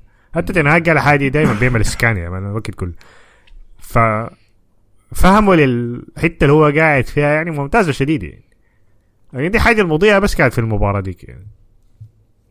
أنا طبعا المباراة دي كنت نعسان يعني ما ما قدر حضرت الشوط الأول بس ما كنت ما قاعد. كل ما بنوم شوية بصحى بلقى يا مان دالت بالطبخ. أنت عم تتجازف يا مان ولا انتهى الشوط كده قفلت البتاع لقيته ضربوا المباراة دي. عارف أظن ما شاتوا ولا كورة على الجول ولا كورة واحدة بس على الجول ال- إحنا- إحنا اثنين على كوبي مينو وقلنا خصائصه ممتازة كيف؟ وفعلا وفي المباراة دي أنا شايفه كان كويس يعني لكن المشكلة إنه تكتيك تنهاج ذاته ما مساعده يعني يعني بموضوع إنه يطلع يلعب باثنين ثمانيه هجوميين ديل ويخلي الستة كده وراه الموضوع كان سيء يعني مانشستر يونايتد ما كان قادر يبني أي شيء في المباراة دي. ثاني رجع لمكتومني ورجع ل مرابط حصل له شنو أنت؟ يعني. سيء شديد سيء بينك يا مان أي مباراة لعبها كان كارثة ما. تشتري لاعب لعب كويس في كأس العالم. دي حركه دي حركة بطلوها لا لا لا لا لا ما حنرمي على كأس العالم. بعد كده تراك ده يتحمل مسؤولية بعد كده ما ممكن. يعني؟ أي لاعب قاعد يجيبه ما قاعد ينجح. طبعا في في تعليقات كثيرة شديد على على يونايتد وأداء الكعب يعني. فمثلا نبدأ بعاصم عبد الله حسن محمد. قال يونايتد بعيد عن كل شيء. لقطة ماجواير مع أونانا دي جميلة شديدة. أنا ما بشجع يونايتد لكن حرفيا لعيبتهم أكثر لعيبة يتم السخريه عليهم في ال social media. آه. أحمد الرشيد أحمد الرشيد ماجواير الوحيد. قول قول التعليق عشان أحمد الرشيد قال لك سخرية القدر تخلي ماجواير يكون منقذهم من نتيجة كبيرة. يونايتد حاليا غير جيد في أي جزء من الملعب. لا دفاع لا بناء لا استحواذ ولا هجوم. تنهاج عايز يلعب شنو؟ وراشفورد اسوء لاعب في الملعب. ولوك شو أفضل حل لقلب الدفاع اليساري إلى إلى حين تعافي الجزار هو ماجواير الوحيد اللي ممكن يطلع براسه مرفوع يعني الفترة دي يعني. دي مستويات ممتازة بعد الضغط ده كله رجع لنفسه اسم سخرية القدر كمان في الشتاء يقوم عاوز يطلع يجي عرض يمشي يطلع ذات يخليه. فعلا والله. أبسط حقوقه. سيف قال اللقطة حقت ماجواير مع ونانا تدرس عديل كده فعلا. يعني شوف متذكرين في الصيف لما ماجواير في مباراة ودية عمل خطأ في البناء من الخلف. قام أونانا مرق من صندوقه ويصرخ على ماجواير. قدام المشجعين الأمريكان اللي ما عارفين الحاصل شنو أصلا. عشان يستمتعوا بالكورة يصرخ فيه لأنه عمل خطأ في تمرير يكورك فيه. ما, ما انتقدنا غنانا كثير من الحركة دي من وكيتا خاصة لأنه عارف إنه زميله في وضع سيء أمام الإعلام ويتعرض للتنمر. في ال social media في الإعلام الحقيقي في التلفاز في أي مكان وفي المعلقين العرب رؤوف خليف وزملائه. مش عمل الحركة دي قدام الجميع وسواها. هو لاعب جديد يا دوب. أي ما هو الوقت ذاك مركب مكانة إنه أنا أنا القائد الجديد اللي حيشيل الكلام ده كله. مرت عقارب الساعة ودار الزمن وجينا حين إحنا لأهم مباريات في موسم مانشستر يونايتد دوري الأبطال الشق يعني تعبوا بشق الأنفس يتاهلوا له الموسم اللي فات كسروا رقبتهم عشانه. وانت تكلفهم التأهل لدوري ال 16 في مجموعة كان مضمون له هو المركز الثاني وراء بايرن ميونخ. مع كل الاحترام طبعا لجلطة سراي وكوبنهاجن لكن دي ما أندية لما تعاين انت المجموعة بتقول قايل لا لا إحنا هنخلص ورا ديل. دي حتكون مجموعة صعبة لنا. يقوم فريقك في المجموعة دي يمشي يسجل أعلى عدد أهداف. مانشستر يونايتد في مجموعتها مسجل أهداف أكثر من بايرن ميونخ. ومع ذلك لم يتأهل. لأنه ما فاز في غير مباراة واحدة بس ضد كوبنهاجن. بسببك أنت يا أونانا. بعد الكلام ده كله بعد الضغط اللي انت خديته عليه ده وبعد ما هو قاعد دكة ومشى وحفر مكانه وبعد ما مرق فاران واخذ هو كا- مكانه أساسي وبقى أحسن لاعب في مانشستر يونايتد. وأتت الساعة اللي ممكن هو يقلب عليك ويسد على اللي انت عملته فيه قام لا هو الوحيد اللي رفعك بعد ما انت ارتكبت أخطاء تتقلطق اسراء يا يا ونانا راجل. أنا ما انا إحنا ما بننتقد ماجواير في البودكاست ده لأنه بعد فترة كان الموضوع بقى سخيف يعني. يعني في البداية كان بيرتكب أخطاء كنا بنشغله لكن بعد ذاك عرفنا إنه المنظومة والحاصل حوالينا ده كله ما حيساعده إنه. حتى لو لعب كويس الناس ما حتعاين للعبه الكويس. تمام؟ وضميناه لنادي المثابرين إنه من الناس ال... بمجهودهم بمثابرتهم حيقدروا يرجعوا لمكانهم الأصلي ويحفروا مكانهم وده اللي فعله فأتمنى إنه القصة دي تكون عبرة للناس يعني. لما تشوف زول في مكان كعب ما كويس ما تمشي وتردم مع مع الرادمين يا مان عشان ترفع انت منظرك قدام الناس. لأنه الوقت حيدور حيمر ويدور ويجي راجع لك ويتخطى أنت ناس نفسك في الموقف ده. فنرفع التحية حقيقة لهاري ماجواير يا أخي. زمان كنت بسيب لساوث جيت لأنه بيختاروا لكن حسي استحقيت مكانك في تشكيلة إنجلترا يعني في اليورو إذا مشيت. وحتى في مباراة نيوكاسل دي بعد ما تأخروا. في النتيجة 1-0 لما ماجواير مشى يلعب مهاجم للعرضيات هو كان أخطر مصدر. لمانشستر يونايتد في الهجوم فعليك الله امشي يا أخي عليك الله وفي خليف وما أعرف شنو عليك السؤال حسي. شنو السؤال حسي إنه راشفورد ليه ما عملوا بنفس الط... وين راشفورد ليه ما وقعوا راشفورد من التشكيلة حسي. هو تعامله مع تعامله مع مع اسمه منو مع مع أونانا فيو فيو بيطبطب عليه يعني لا هو عارف الحظ okay شنو. أنا حارس لكن okay ما حنك أيوه هنا لكن راشفورد مثلا ليه ما را... okay ما انت رميت فاران وكاسي- وكاسيميرو ولا كاسيميرو مصاب ما اعرف المهم رميتهم برا في التشكيلة. يعني. هسي راشفورد ليه ما ترميه من التشكيلة؟ يعني ليه هو أعلى من البتاع عندك بديل تاني؟ عندك الأرجنتيني داك بريستري ولا اسمه؟ الفريق شنو يعني؟ حسي يعني مستفيد شنو أنت من راشفورد يعني؟ وديك ال... تخليه تلعب كل مباراة أساسي. هو عارف إنه بدون راشفورد. هو ما حيفضل مدرب لمانشستر يونايتد فترة طويلة. لاعب سياسة بس يعني. ده, ده ما يبدو لي يعني. أنا لا أدري ما يحدث ما وراء الكواليس. يمكن علاقته مع راشفورد كويسة. لأنه قبل كده عمل عقوبات انضباطية عليه وكان متذكر مباراة ضد وولفز. آه يتأخر. راشفورد يتأخر. لاجتماع. قام قعد وكنبه ودخله في الشوط الثاني قام فوزه في المباراة. كويس. لما تعاين للموسم اللي فات أنا كنت بقول راشفورد هو المصدر الوحيد للأهداف لمانشستر يونايتد. لو راشفورد ما سجل يونايتد خلاص ما حيقدر يعمل حاجة. وبسبب أهداف راشفورد الدقه فوق ال 30 جون الموسم اللي فات يتأهل مانشستر يونايتد لدوري الأبطال وفاز بكأس كأس الكركديه اللي انقذوا تين هاج يعني هم شالوه في الموسم ذاك. أمشي أرجع للموسم اللي فات وشوف جمل تكتيكية هي اللي كانت بتأدي لتفوق راشفورد وهي اللي بتخليه يسجل الأهداف دي كلها. ما حتلقى أي حاجة يا man. الأهداف اللي كان بيسجلها راشفورد دي كان بيستلم الكورة من وسط الميدان ويراوغ ويشرط و- و- و- و- و- بتاع ولا كورة مجنونة من برونو فرنانديز من مكان ما man تنزل له ويمشي وهو يسجل الجون. كانت كلها اجتهادات فردية كانت مهارات فردية من راشفورد هو الحامل الفريق ده على كتفيه حسي الحاجة دي لما وقفت فورمة راشفورد بقت كعبة. بقت خلاص يعني يونايتد معاني هجوميا. لو لما يسجلوا اهداف ونانا قاعد يموسرنا بورا وكل الفعاليات دي حاصلة. فهو محتاج بشدة لراشفورد. اللحظة اللي تنقطع علاقة الاثنين دول مع بعض أنا شايف الساعة بتاعت العد التنازلي أصلا بدت هي حق التنهاك. اقتربت لنهايتها أعتقد مشجعين يونايتد ذاته بدوا يشوفوها. واتكسر قال لك واتكسر انت ما أنت هتمشي هتمشي اللقاء يوم الجمعة واتكسر ولا؟ اسم ساي بس خاطر اي ديربي باولا آه. قال لك أفضل حل لمانشستر يونايتد كونتي. خلاص بدوا يخطوا خيارات قال لك أفضل خيار أفضل خيار كونتي والله هو الحل لأنه شخصية جامدة وأسأل مشجع الإنتر واليوفي. ما هنسأل مشجعين إنتر كنت كنت ما حل كويس. لا لا. كنت ح... لو بي... لو نجح يعني حيكون موسم واحد بعدين هيبدأ يسيب ل... لا أنا شايف الجليزرز كله تعليق مصطفى عماد الدين هو ال- الضرب المسمار على الراس. وقال حل اليونايتد الوحيد حاليا بناء خطة على المدى البعيد وخفض التوقعات ونشوف الإدارة الجديدة. وأنا ضد إقالة تنهاج يبقى عندنا شوية استقرار. هم مروا بالموضوع ده كثير إنه يطردوا المدرب ده ويجيب مدرب ثاني يطرد لا لا. إذا تنهاج هو عنده الفورمولا عارف التشكيلة. اللي ممكن تخليهم يلعبوا كرة قدم جميلة واستحواذية ويهاجموا زي ما عملها مع أياكس. هو عارف يعملها كيف. خلوه يعملها. مشكلة تنهاك هي التعاقدات. التعاقدات كارثية. يعني بيصر على لعيبه بمبالغ غالية وبعد ذاك ما بيخدموا المنظومة اللي هم بيسووها. فالسير راكليف ده هو زول مشهور بإنه يعني عمر 89 قال مم. يجب على السير راكليف دعم المشروع الشغال حاليا بصفقات في الشتاء. ما يكسر حنك فسير راكليف آه آه وما يكسر حنك تنهاج ويبدأ مشروع رياضي جديد ويكون فيه أفكار واضحة من ناحية لعب وانتقالات. سير ده معروف بأنه هو جاي عشان يدير الجزء الرياضي من مانشستر يونايتد يعني.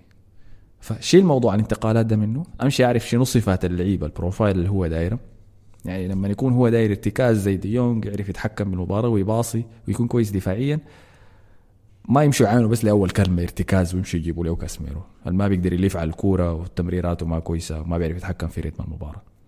يمشوا يشوفوا له اي لاعب تاني صفاته قريبة من ديونج حتى إذا ما بنفس المستوى إذا 50% من ديونج لكن على الأقل دي تقدر تبني بها الأرضية بتاعت فريقك. إحنا تكلمنا قبل كده عن موضوع الأرضية والسطح صح؟ امم أي. اللعيبة اللي بيدوك الأرضية ولا اللعيبة اللي بيرفعوا لك السطح. فلاعب زي هالد مثلا لاعب بتاع السطح. سقف أي. أنت ما آه سقف. ما بتجيبه عشان تبني به أساس الفريق. المهاجم بتاع ال- ال- الأرضية بتاع الفريق بيكون هاج- مهاجم متواضع يقدر يؤدي لك الأدوار المطلوبة منه في. يؤدي الواجب أي. أيوه فده المحتاجين له يونايتد ما محتاجين يطردوه ما محتاجين يشوفوا ما عارف في واحد تاني كان قال جيبوا مورينيو. اي ده أوداسكر قال لك جيب مورينيو. آه لا لا ما لكن-. المشكلة حتى بتاعت الحالات التكتيكية دي أنا ما شايف يعني. في, في لاعبين المفروض يكونوا نافعين معاه. okay أنا كاسيميرو أنا فاهم إنه هو ما ال- ما ال profile بتاعه. لكن لاعب زي مثلا مرابط انت طلبته بال- okay جا. أنا شايفه المفروض ينفع معاك نوعا ما يعني أحسن في الكورة من كاسيميرو. أحسن أكيد في الكورة من مكتومني غير كده عندك كمان ال- المشكلة الأكبر هو ووغهورست جابوا السنة اللي فاتت. حصان الضغط العالي. شوي. ال profile بتاعك ذاته أنت عاوز high آي. برضه ما كنت شايف يعني حاجة تطور كبير كده في في المستوى بتاعك يعني. فهو هو في, في- مشكلة في- في, خلل في ال system بتاعه ذاته. آه في المؤتمرات الصحفية قال إنه مانشستر يونايتد جايبوني عشان أنا أجيب لهم نتائج حسي. فأنا ما مطالب بس بإني ابني هوية لازم مانشستر يونايتد يفوز بشكل متكرر. طب لا نتائج لا هوية أنا ما شايف أي شيء. آه، ده, ده اللي قصده حسي قبل شوية صديقنا ده بالتعليق ده بأنه لازم ينزلوا التوقعات اللي تحت. يعني زي سفيان مرابط وأنا ما احبذ إنه يعملوها في لاعب جايبينه إعارة إلا إذا دارين يشتروه عشان يتطور مع الفريق. طيب انت تلعب استحواذ جيب أونانا آه، ماجواير ولا قلب دفاع يمين تاني ولاعب تاني قلب دفاع شمال زي إيفنز اللي هو ليساندرو مارتينيز لوك شو شمال وظهير يمين بيعرف يلعب بالكورة ما زي آه، منو ده وان بيساكا. ظبط المنظومة بتاعت الاربعه ديل والارتكاز اللي قدام وحارس الدفاع للاستحواذ وابدأ العب استحواذ بس بناء من الخلف بس يا man. زي ما كان بيعمل فيكارو ضد مانشستر سيتي وحتتبلى يا man. حيجي برايتون حيطقطقوك زي ما طقطقوك حس. حيجي برينفورد ورد حيطقطقوك. طقطقوا لكن هو برضه ما لعب بالطريقة دي. أصلا ما هو بعد ذاك جلاه هو لعبه وبعد ذاك جلاه قال يا مان ما حد ما حد يتجازف. خسرت مباراتين والإعلام هاجمني طلع يومي فحق لي بامان لراشفورد إف سي. فأقعد أمسك نزل سقف التوقعات. ما تخط توقعات عليه انه يجيب التوب فور ما تخط أي توقعات عليه بانك تفوز بكأس حاجة أي حاجة حاجة زي, حاجة زي دي. امنوا الأرضية. بعد ذاك ابدوا يجيبوا لعيبة ال- السقف. وبعد ذاك نبدأ نطلع. إنت يا أحمد أنا ما متأكد لكن هل أنا توقعت إنه يونايتد هيجيب الدوري السنة دي؟ أنا اللي توقعت. أوكي خلاص مش مو توقعت. قلت حينافسوا على الدوري السنة دي. جزء من المشكلة لكن إحنا تعاقداته توقعنا. خذلته كلها. تعاقداته كلها خذلته. والله هو خزل توقعات تعاقدات ذاته. آه. طيب الصادق المدريدي قال تنهاج يا تنهاج ليس كل ما يصلع ذهبا. قال سمع المثل ده مني قام غطى الصلعة بتاعته ولبس طاقية المفتش كرومبو بعد الطاقية طار من الأبطال واليوروبا ليج ويو... ومي مغ... شنو؟ ويومي مغلوب في الدوري.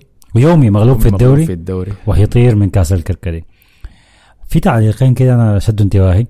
أمير بابكر مسمي نفسه أمير بابكر صاحب أحمد ومصطفى. okay؟ أنا رماني برا الحكاية دي. قال لك كرة عشان برشلوني. الله يعرف أحمد. عمل عمل limit للاسم الاسم ما يزيد 50 حرف يا ما ممكن. قال لك كرة نيوكاسل ويونايتد بتوضح لك سؤال. الفريق وماجواير هو الزول الوحيد اللي بيلعب بذمه وشال الدفاع كله على ظهره. أما عن أونانا I don't give shit زعل لدرجه قلب إنجليزي. التعليق الأخير لا هو عشان اونانا قال I don't give a shit في أوه صح. صح قالت في بداية الموسم. يا الله أنا دي مسيرة مخزيه مج... دقيقة عين التعليق ده لأنه بيهبش على كلامنا كل شوية. مانشستر بلو قال اشترى ماونت بلعب بلعب إريكسون اشترى أنتوني وما بيعرف حتى يجيب أجوان. اشترى لاعبين أياكس وبعد ده الناس تقول المشكلة في الإدارة. أنتوا رأيكم شنو؟ هل مشكلة يونايتد في الإدارة أم في المدرب؟ بالنسبة لي في الموسم ده المشكلة في تنهاج لأنه تنهاج اشترى أونانا ب 60 مليون ليكتشف إنه ديخيا أفضل من أونانا في التصديات. أنا شايف يتحمل. 40 مليون. أنا شايف يتحمل مسؤولية لأنه okay حتى ال- كاسيميرو ديل ما لاعبين هو ما طلبهم. آه، مرابط برضه لاعبه ما, ما لعب معه لكن أونانا و أونانا وانتوني ديل لاعبين معه في أياكس يعني. ده ناسك ذات يعني لاعبين أسلوبك برضه ما لاعبين كويس فدي مشكلتك أنت أنت تتحمل المسؤولية دي. بالمناسبة في كلام إنه دخيا يمشي لنيوكاسل عشان يعوض آه، بوب. الاصابه آه بتاعته. بوب جاته إصابة في الكتف فما يلعب ثلاثة ولا أربع شهور. بينفع معاه مع ديخيا كمان يلعب ويقدم موسم كبير. يا سلام هم حارسهم الاحتياطي دوبرافكا. كان لعب في مانشستر يونايتد ال- آه مشى المشي جابوه بديل. آه آه، عشان يعني. بيلعب برجلين برضه. طيب وفؤاد underscore قال خسارة متوقعة ضد نيوكاسل وتنهاك ده عارفينه ده ما عارفينه بيعمل في شنو ليه راشفورد جناح يمين ليه ما بالستري يمكن ده المزعل راشفورد ذاته إنه أنا احسن مكان ليه الجناح الشمال. فأنت مجغمس التشكيلة ومدخل جارناتشو وخدتني أنا جناح يمين. فخسرتني أنا أحسن لاعب عشان هاي دي مسعيله والله أنا راشفورد بالمستوى ده ما بتكلم ذاته يا man كويس أنت بتلعب ذاته. شايفه هذا بدأ ال PR يا man بدأ يقدم وجبات للأطفال. الشتاء يا أخي. شغالة شغل ال PR بدأ خلاص يعني. أخي. المصايب بتاعته. آخر تعليق مجتبى أحمد قال شباب ما شايفينه تنهاك خلاص bye bye. علقنا الحكاية دي. وبين قوسين قال أول تعليق لي في البودكاست وتحية خاصة لحسن. يا سلام يا أخي. تسلم يا مجتبى. يديك العافية. مباراته الجاية ضد تشيلسي بعد ذاك عنده؟ مباراة في ال... في آه، اظن في البريدج. لا لا كده حيتكرفس يعني. يتكرفس عديل كده؟ حيتكرفس أيوه. كده دقيقة لا لا ما لا لا في اولد ترافورد في اولد ترافورد والله احتمال يتكرفس برضه. مباراته الجاية في اولد ترافورد ضد تشيلسي بعد ذاك حول. مباراة في الأبطال ضد بايرن ميونخ. يلعب بعد ذاك عنده رحلة لأنفيلد في الدوري. غالبا دي الثلاثة مباريات اللي حت- حتخسر. دي مباراتك يعني كريس جاكسون يعني. جاري عندك قدامك جونز وميجوير يعني آه، كسر خط التسلل زي ما عاوز يعني. هي دي ولا أنفيلد؟ مشيت أنفيلد الاكل فيها 7 0 عادي ما كان لما نجي هذيك يا man. لو اتكرفس ثاني ادى سبعة هنا خلاص يا ما بتتجازف man. لو ادى أي score أكتر فوق فوق الأربعة يا man خلاص ما ما ما حي ما في طريق. أنا عارف ليفربول دي دي مستنين الكورة دي كويس يعني هسه كلوب يا man قاعد يشحن. يعني ما شايف المستوى ده زاد كيف. عارفين حاسين بالبري الجاي يعني. شوية شوية كده. دي فرصة خلينا نتكلم على ليفربول يا دقيقة دقيقة. في تعليق. أنت كيف صديق البرنامج؟ المصطفى قال آه يعني الطيارة اتكنسلت دي رسالة واضحة لناس. مانشستر إنهم ما يسافروا لنيوكاسل لكن لا أصروا يمشوا بالباص. ويقدموا الهراء والغباء الكروي اللي شفناه ده. وكمان مسهريننا للساعة 1000 والله يا أخي دفاعا عنهم يعني صراحة دي كانت حاجة ما كويسة من الدوري الإنجليزي ذاته. يعني طياراتهم اتلغت كان المفروض ياجل لهم مباراة لليوم الثاني بدل يخبوها في وقت دوري الأبطال ده بالليل الساعة 12 الساعة 12 عندي المباراة دي كانت. ما في اي داعي تلعب المباراة دي متأخر كده هم كان عندهم مباراة دوري أبطال يوم الأربعاء كمان. فدي ظلموا فيها صراحة. هي ما في ملعب نيوكاسل في يونايتد كانوا مسافرين. بالبص من وهم ركبوا البص بالبص من مانشستر لنيوكاسل ساعتين. فما شايفة كعبة يعني. بالطيارة كان حتكون نص ساعة كده. كمان برد يعني كان في تلج. اي اي الجو كان بارد شديد. ما ذكرنا إنه جاب الجون يا أخي كان آه، أنتوني جوردن. كالعادة يعني مبدع. يعني استمر في التسجيل يا أخي. كان طبخ ثقيل يعني صراحة إنه انتهت آه، واحد كان كعبة. شديد. أنا ما صرت واحدة كده. طبعا كنت كل ما انوم وأصحى كده بلقى لك الشا ذاك ماسك الكورة قاعد يطبخ الناس. تاني عملها بعدين مباراه تشيلسي ديك طبخ له كم واحد وصلها لحد حدود منطقة الجزاء عاملين لهم حصار حصار في منطقة جزاء هذه كانت غريبة شديدة. آي. لا بل محمد عامر قال شوط أول ما شفنا غير عباده Attack on Titan ديل. بيهاجموا ماجواير. بيدافع. وتريبير والخاتي قرناتشو في جيبه كسر العارضه وجولينجتون ضرب باطي ما لعب كورة. وقمارش ضرب باطي برضه لكن بفهم هو عقل الفريق. طيب خلينا نطلع من جو الكآبة دي نمشي لقمة الأهداف الجميلة يا أخي. اللي هي كانت ليفربول ضد فولم. انتهت بأربعة ثلاثة من أشد مباريات الجولة دي. أنا في البداية كنت قاعد أحضر في مباراة تشيلسي. جيسي برايتون آه ضد برايتون اي حد الشوط الأول. ذاك لا حصل لها حلة كاتمة كده يا مان وقال لي كرت احمر وبتاع. انت يا خلاص خليني يا أخي اللي هنا فالتونسي قال لك قال لك الموسم ده لازم يكون في خمسة بوشكاتش آه، على الأقل من نتات الدوري الإنجليزي وخصوصا لليفربول. هسه كده كده نسالك سؤال. يا تو هدف تعتبره كان أحلى هدف في المباراة دي؟ هدف أرنولد ولا هدف ماكاليستر؟ ماكاليستر أنا ماكاليستر. شد واحد لي أرنولد لأنه ضربت في الحارس خشت.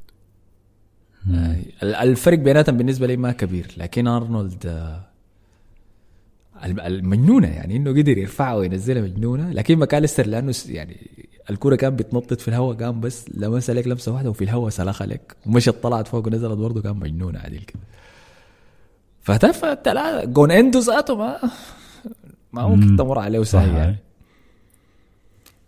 فليفربول ظهر سيء دفاعيا. بعد الكلام ده. صار سيء شديد هاي. يعني كيلر عمل خط- خطأين في الأجوان دي كانت سيئة شديد. مشكلة كيلر إنه جاي يغطي لأحسن حارس في العالم. إحنا كلنا اللي هو ذاته فورمته كانت كعبة ذاته أليسون. أليسون ذاته ما كان كويس. يعني. ليه؟ عشان اخطاوا ضد السيتي ديك؟ والله يا أخي لو كم مباراة كده ما عاجبني كان. أنت بتقول كده لكن كمية الأهداف اللي بيشيلها أليسون آه يعني من بيطلع أهداف كثيره يعني. فحتى في المباراة دي كيلر كان مخطوط تحت ضغط. آه، فولم كانوا سجلوا الهدفين. يعني كانوا سجلوا جول ليفربول بيجي راجع سجلوا جول تاني. بين الشوطين برضو كان نفس الاستوديو التحليلي بتاع طارق الجلاهمة وابو تريكة. وطوال يا ابو تري... آه، الجلاهمة نزل لك ردم يا man في ترنت. والهدف الأول عليه كان واقف وين والهدف الثاني عليه ما راقب اللاعب أنا ماتب لما طلع لي ما أعرف. كان نازل لك فيه ردم تقيل وأنا يلا كنت بحضر المباراة وهو بعيد في اللقطات. أنا ما كنت شايف إنه أي واحدة من دي الأخطاء لترنت يعني إذا ترنت كان هاي يعني أقول لك زي منو الظهير الدفاعي البحت كافو ولا حاجة زي دي كان هاي حيمنع الأهداف دي إنها تدخل بإنه يتنبأ للكرة حتمشي وين لكن الهدفين الأول والثاني الجول الثاني كان مثلا ال corner ما حامسك فيه كثير لكن الجول الأول آه ماتب كان طلع من مركزه؟ إنه وكيتا كان ترند في الوسط. فماتب كان مشى فجأة طلع من مركزه؟ مشى الظهير اليمين داير يشتبك مع لاعب فولهام. أظن كان أوبي. أوبي بعد ذاك لعب الباص وراه لروبرتسون فماتب كده برا اللعبة. ماكاليستر وترند في الوسط. ترند جا غطى الحتة اللي كان فيها ماتب هين كان في لاعب وراه. فماكاليستر كان المفروض يكون يجي ماسكه لكن غلط ماكاليستر. وسجلها هاي أوكي ممكن تقول إنه خطأ ما- ماكاليستر إنه ما تتابع ال- اللاعب ده لكن ليه أصلا ما تقرر إنه خليني أنا أأمر وأمشي لل- ل- لإيوبي يا مان وهو ماسك. اظن دي خطة أصلا إنه لازم يغطي هو بيغطي على ماتب أصلا بيغطي على ترند دايما يعني. إنه بيغطي على الظهير لما ترند يكون ما قاعد حتى كان بعد مانشستر سيتي كان بيطلع بيساندو مع دوكو يعني فدي أظن جزء من الخطة بتاعتهم الدفاعية يعني. طيب طيب إذا ماركت له هو يجيب الكورة على الأقل ولا أعمل فاول ولا أعمل إيش؟ يا- يلعب. الباص. ما غلط ترند هو روبرتسون هذاك له واضح يا مان جاي قدامه فلما الجلاه ما قال لا أنا صراحة استغربت. قلت الجلاه لا لا أنت زاد خشيت بس الترند معنا ده تردم هنا. قام أبو تريكة وده كلامك أنت الحلقة اللي فاتت يا مصطفى قلت إنه دائما بيقول اللي في قلبه فقام قال لا لا لا الأخطاء دي كلها على ماتب فوضح الأخطاء ورى إنه كيف ال- الخطأين حتى في الكورة الثابتة ال corner اللي اتلعبت الخطأ كان على ماتب فيها. آه، فقام قال التبديل المفروض يسويه كلوب في الشوط الثاني إنه يمرق ماتب ويدخل جوميز ولا كوناتي من الدكة. وكلوب ثابر طبعا أنتوا عارفين كلوب عنيد كيف ما كان داير يضيع تبديله في تبديل حد ما دفاعي. ضرب يا مان ماتب لحد ما مات. هاي ماتب على الأرض. يا, خلاص ارفعوا يا ارفعوا وخش يا جوميز. وبعد ذاك الفريق اتحسن شوية دفاعيا. جاء الهدف الثالث من فولهام في الشوط الثاني عن طريق عرضية لعبها روبرتسون. روبرتسون كان مجنون يعني حقيقة في المباراة دي هجوميا دفاعيا هو سسبك شديد لكن هجوميا كويس شديد. رفعها لريد في القائمة الثانية جلد عليك الطنك شفت header كولوفسكي ذاك؟ ذاته عملوا لك يا مان كرفس لك آه، شبي كاس ده ولا اسمه سجل لك الجول لما فولهام سجل الهدف الثالث وكان متقدما عينت للدقيقه لقيتها 80 قلت لا لا غلطت وسجلته بدري شديد. كان المفروض تنتظروا لحد دقيقه 90 كده 92 95 أي. مع ليفربول في أنفيلد ما بتضمن يا مان إلا النهاية. 80 لا لا كان المفروض تضيعها يا ريت بالغت تعديل كده وبعد ذاك أنفيلد ولع يلا وبدا لك البل. وفعلا أنا بس قاعد منتظر. أها أها أها. قام عمل تبديل. آه كلوب ما متذكر مرق منه قام دخل إندو. قال أنا قلت شنو هسه مركب؟ مدخل ارتكاز يا داير تجيب. طلع. منه بيكون طلع نونيز ولا واحد كده لا لا نونيز كان قاعد ما متذكر. ضفاير نونيز كانت واضحة في الشاشة من بعيد وتشوف ضفيرتين ده أنا زاد صلاح يوم حيدقوا يا مان بالفرص الكثيرة بيضيع يمكن حيدقوا عديل كده آه، الفرصة تضيعها مجنونة ذاتها والله. كده أوريك حسي عنده كان خش مكان. ماكاليستر إذا ما خانتني الذاكرة. مكان ماكاليستر أيوة. أيوه ف لا لا كان ما دخل مكان جرافنبرغ معلش جرافنبرغ كان قدم مباراة سيئة حقيقة. فدخل في الدقيقة 83 قلت شو مدخل ارتكاز يا مان؟ حسي إنت محتاج هدف. فجأة يا مان جاي عنده دخل لك هدف عالمي يا مان. باليمين قد عليك في التسعين يا مان من برا الصندوق. بعد ذاك شبه لك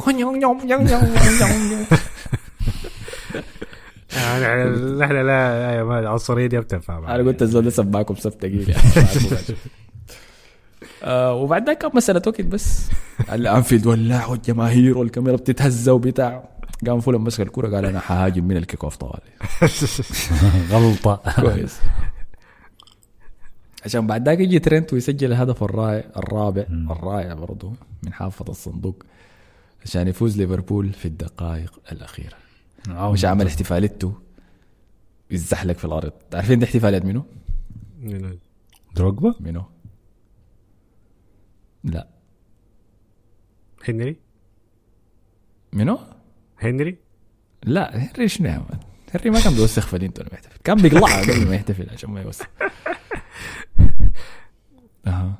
من يدي الاحتفالات ما من. ليفربول زول من ليفربول. آه جيرارد؟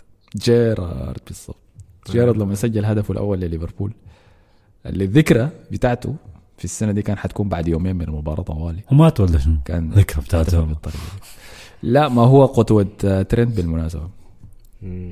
ترند لما كان في الأكاديمية كان بيلعب كلاعب وسط عشرة هجومي أكتر يعني. مم. سبحان الله.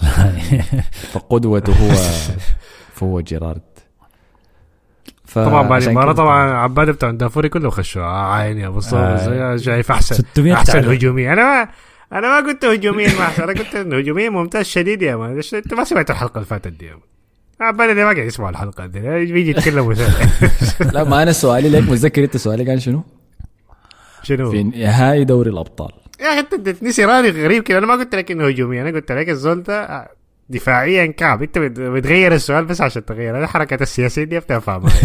لا لا أنا قلت لك سؤال بس أنت لو كنت جاوبت عليه هو ما كانوا مسكوا عليك. أنا قلت لك في نهائي دوري أبطال للناس اللي ما بيسمعوا دل نهائي دوري أبطال. نتيجة 1-0 فريق خسران. كارفخال أساسي ومات كما يفعل عادة تضرب لك الفخام من غير أي سبب. اي كويس. دقيقة 70 عندك في الدكة ترنت وريس جيمس. حتدخل من واحد عشان تفوز بالمباراة. خلاص يا ادخل ترند. يا مان. ما انت قلت قلت لي ريس جيمس أنا عشان كده استغربت. لو لو قلت لي حتبدأ المباراه أقول لك حبدا المباراه بريس جيمس. والناس بتقول كده يا مان عشان تدخل مباراتين ها. بعد مباراتين حيجي يطبخ من ما أعرف متوما ولا واحد من العباده ده يجي يطبخ الثاني. ترى انت ما بيعرف يدافع. لو هو حيطبخ هاي لكن طالما إنه بيساهم تهديفيا أنت بس تتحمل إنه المساهمات دي ما حتكون دائما كده لكن. حس زول ده بس خش في فورمة حس يعني. ده الموسم ما كان كده يعني. ولا حتى نهاية الموسم اللي فات فترات كثيره يعني. لكن لما ترنت وهو عادة لما يخش فورمة بيكون consistent يعني بيكون فاضل عليها فترات طويلة. هجوميا ما بتكلم دفاعيا. ترنت لما يكون في أفضل حالاته ليفربول بيفوز because. ترنت ما في أفضل حالاته ليفربول ما بيفوز بأي حاجة. ده شفناه والله الموسم كده. قاعدين نشوف الفورمة آه، طبعا التعليقات كثير غير على الحكاية دي. هسه هل نديك اساميهم يا مصطفى عشان تسجلهم عندك الناس اللي ردموك ده آي آي عشان لما يجي الطبخ يا مان تجي تتذكركم كلكم. طيب يلا. أول واحد محمد عامر. آه، ثاني واحد عمار فا... العمار فاروق في عملاق المؤسس. هتمشيها لو دي أعتقد يعني تسامحوا فيها. آي أكيد. آي، ما- التونسي ده رقم ثلاثة. الرابع مهند 93 الهادي. وآخر واحد اتش اي كلهم يا man لا قالوا- كلهم قالوا انه قالوا بس إنه هجوميا لا لا لا. مثلا اتش قال لك آه أحمد أنا نفس رأيك آه ن- نفس رأيك مع مصطفى. يعني أنت معترف إنه دفاعيا سيء؟ يعني ما ما مدافع سيء. ما بيقدر أنا ما بقول دفاعيا سيء. أنا بقول دفاعيا عادي لكن ما أنت سيء. شنو طيب؟ لا أنت دقيقة أنت ال- المقياس بتاعك لمدافع سيء شنو يعني؟ يعني أنا مثلا كروس أنا شايفه سيء دفاعيا. يعني. أنا شايف ترنت قريب منه يعني صراحة. أحسن من كروس يعني لكن بس عشان الشباب بس. سيء دي أنا عندي موستافي سقراطيس يا man شفتها. آه، يعني أنت بس. أنت شايف يعني أنت شايف إنه سيء دفاعيا أنا بيعمل بس أديتك مدافعين ارسنال كلهم يعني بيعمل غلطات دفاعية بس يعني بي- بيدي الكورة غلط بيباصي الكورة. ده, ده بالنسبة لك سيء دفاعيا يعني. أي. ومثلا إنه شنو يعني آه ما بتقدر تعتمد عليه دفاعيا في أي حاجة. ده كده معناه مدافع سيء. انت انت ما بقدر اعتمد عليه دفاعيا في أي حاجة. أي حاجة؟ ما أي بقدر حاجة. اعتمد عليه وهي ما بقدر اعتمد طيب يوقف لي واحد كورة يعني واحد لواحد خلاص يعني النقاش ده تناقشنا مرة اللي فاتت خلاص ما في داعي.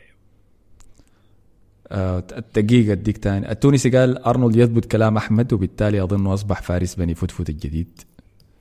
لسه دقيقة أنا خلاص انت, إنت. أخذت اللقب ده زمان الموضوع انتهينا منه. والعملاق المؤسس عمار فاروق قال أرنولد هجوميا افضل من ريس جيمس. الضرر ريس جيمس إنه بقى معرض للاصابه كثير شديد. بس أرنولد بيتحكم في الكور كويس هجوميا. عرضيات صحيحة فاولات جميلة وممتع في الميدان. بس دفاعيا علامة تعجب ما استفهام. ومحمد عامر قال ليفربول في مباراة الأهداف المذهلة سلخ بس يبهر ويمتع ويعلن أنه المنافس قوي على اللقب. ويا مصطفى بعد هدفين أرنولد ديل بعد ده حتختار أرنولد ولا جيمس ولا جماهير أنفيلد بتحسسك كأنك في الملعب. بعدين يا- جيمس بعدين ريس جيمس كان شايل تشيلسي توخل ده هجوميا يا أخي الموسم ال- الموسم الثاني بتاعه ذاك. هو تشيلويل كان الوحيدين اللي قاعد يلعبوا يعني. ريس جيمس هو كان أحسن لاعب عنده في الموسم ده ما لكن ليش شهر؟ فهمتني. ليش شهر واحد؟ إصابة أيوه أيوه. لا لا يا أخي لحد كل فترة كان بيلعب فيها كان كويس يعني. بس مشكلته كانت اصابات اصاباته كتير. هو علامة تعجب كبيرة حتكون ولا استفهام على ريس جيمس لحد ما يدينا موسمين كده. على الأقل ألعب فيهم 30 مباراة ألعب 30 مباراة على الأقل. ولا حطلب منك 60 الأرقام المجنونة اللي بيعملوها ديل ناس صلاح وديل. بس اديني 30 مباراة. أوسكار ليفربول قال صراحة كده ما كنت متوقع في بداية الموسم إنه ليفربول ممكن يصل للمركز ده. وإظهارهم لرغبة الفوز في كل مرة تشير بأنهم يقاتلوا لآخر دقيقة في كل مباراة وترنت لا يقارن. ومحمد عبد المحمود قال فوز بعد تعب. بتستغربوا يا شباب لو قلت لكم إني سعيد بدخول الأهداف اللي دخلت في الليفر الليلة. غياب أليسون فرصة للاعبين عشان يخلوا الاتكالية عليه في كل مباراة. في كل مباراة شايل له هدف محقق بشكل روتيني. بعيد عن مستوى كيليهر الهدف الثالث ده تأديب للدفاع. غير فان دايك. طول الموسم كسل وأغلاط بالهبل وبرود عشان وراهم حارس مستعد يصد 20 صدة بالمباراة. بالله خلونا حيعملوا شنو؟ وهو غايب. خلونا نشوف حيعملوا شنو وهو غايب. وأعيد وأكرر ماكاليستر. ما ينفع ارتكاز مع إنه الليلة لعب كويس وسجل هدف عالمي بس لازم نجيب ارتكاز حقيقي زي رايس ورودري. ويا مصطفى قصة أرنولد أفضل ظهير هجومي دي ما عايزه نقاش أنا ما قلت إنه ما يا الله. يضبه يا يضبه يعني مشكلة أصلا كده. فدي كانت كل التعليقات آه، عن ليفربول. شايفهم يا مصطفى حيفوزوا بالدوري ولا يعني؟ لا لا أنا شايف هجومهم كويس شديد إنه حيمشيهم بعيد يعني. عشان كده أنا خدتهم في التوب فور يعني لكن هل حينافسوا على الدوري؟ عين هجوميا أنا شايفهم بقدر حس حاليا يعني بقدر أعتمد عليهم شايفهم هجوميا أحسن من أرسنال ومن سيتي الاثنين لكن مشكلتهم هي الدفاعية في الآخر يعني. وسط الملعب كعب شديد يعني. ف لازم ارتكاز صح؟ على قول- لازم ارتكاز أيوه عشان يقدر يفوز بالبطولات يعني. لكن هجومهم كويس أيوه. التدخل. أكثر من خصمك ده ما حيوديهم بعيد يعني. دي هي قوتهم في الموسم ده. هنا نقدر نختبر مقولة سير أليكس فيرجسون الشهيرة ديك؟ إنه الدفاع بيفوزك بالكؤوس الهجوم بيفوزك بالمباريات بس. ده فيرجسون مش أي حاجة بيرموها في فيرجسون. ما أظن قال كده. اظن فيرجسون والله. ولا سرقوا بكم من زول ده أنا اللي قلتها بوبي ولا واحد قديم كده. المقوله دي تحسها قديمة شديد طيب خلينا نمشي على تشيلسي. الفاز على. برايتون. أي. بثلاثية. مباراة مثيرة. لبرايتون. أنا عجبني تعليق محمد عامر يا أخي. قال لك تشيلسي زي ما قال سولجا في أغنيته الجديدة يوم فوق يوم تحت يوم تحت يوم فوق. انتصار بشق الأنفس على برايتون في مباراة جميلة. أنا اللي عجبني في المباراة دي انه تشيلسي دخل جولين أول مقرفين شديد كما يجب يعني. ده الإرث الكروي بتاعهم. كرفسه كده في في منطقة الجزاء؟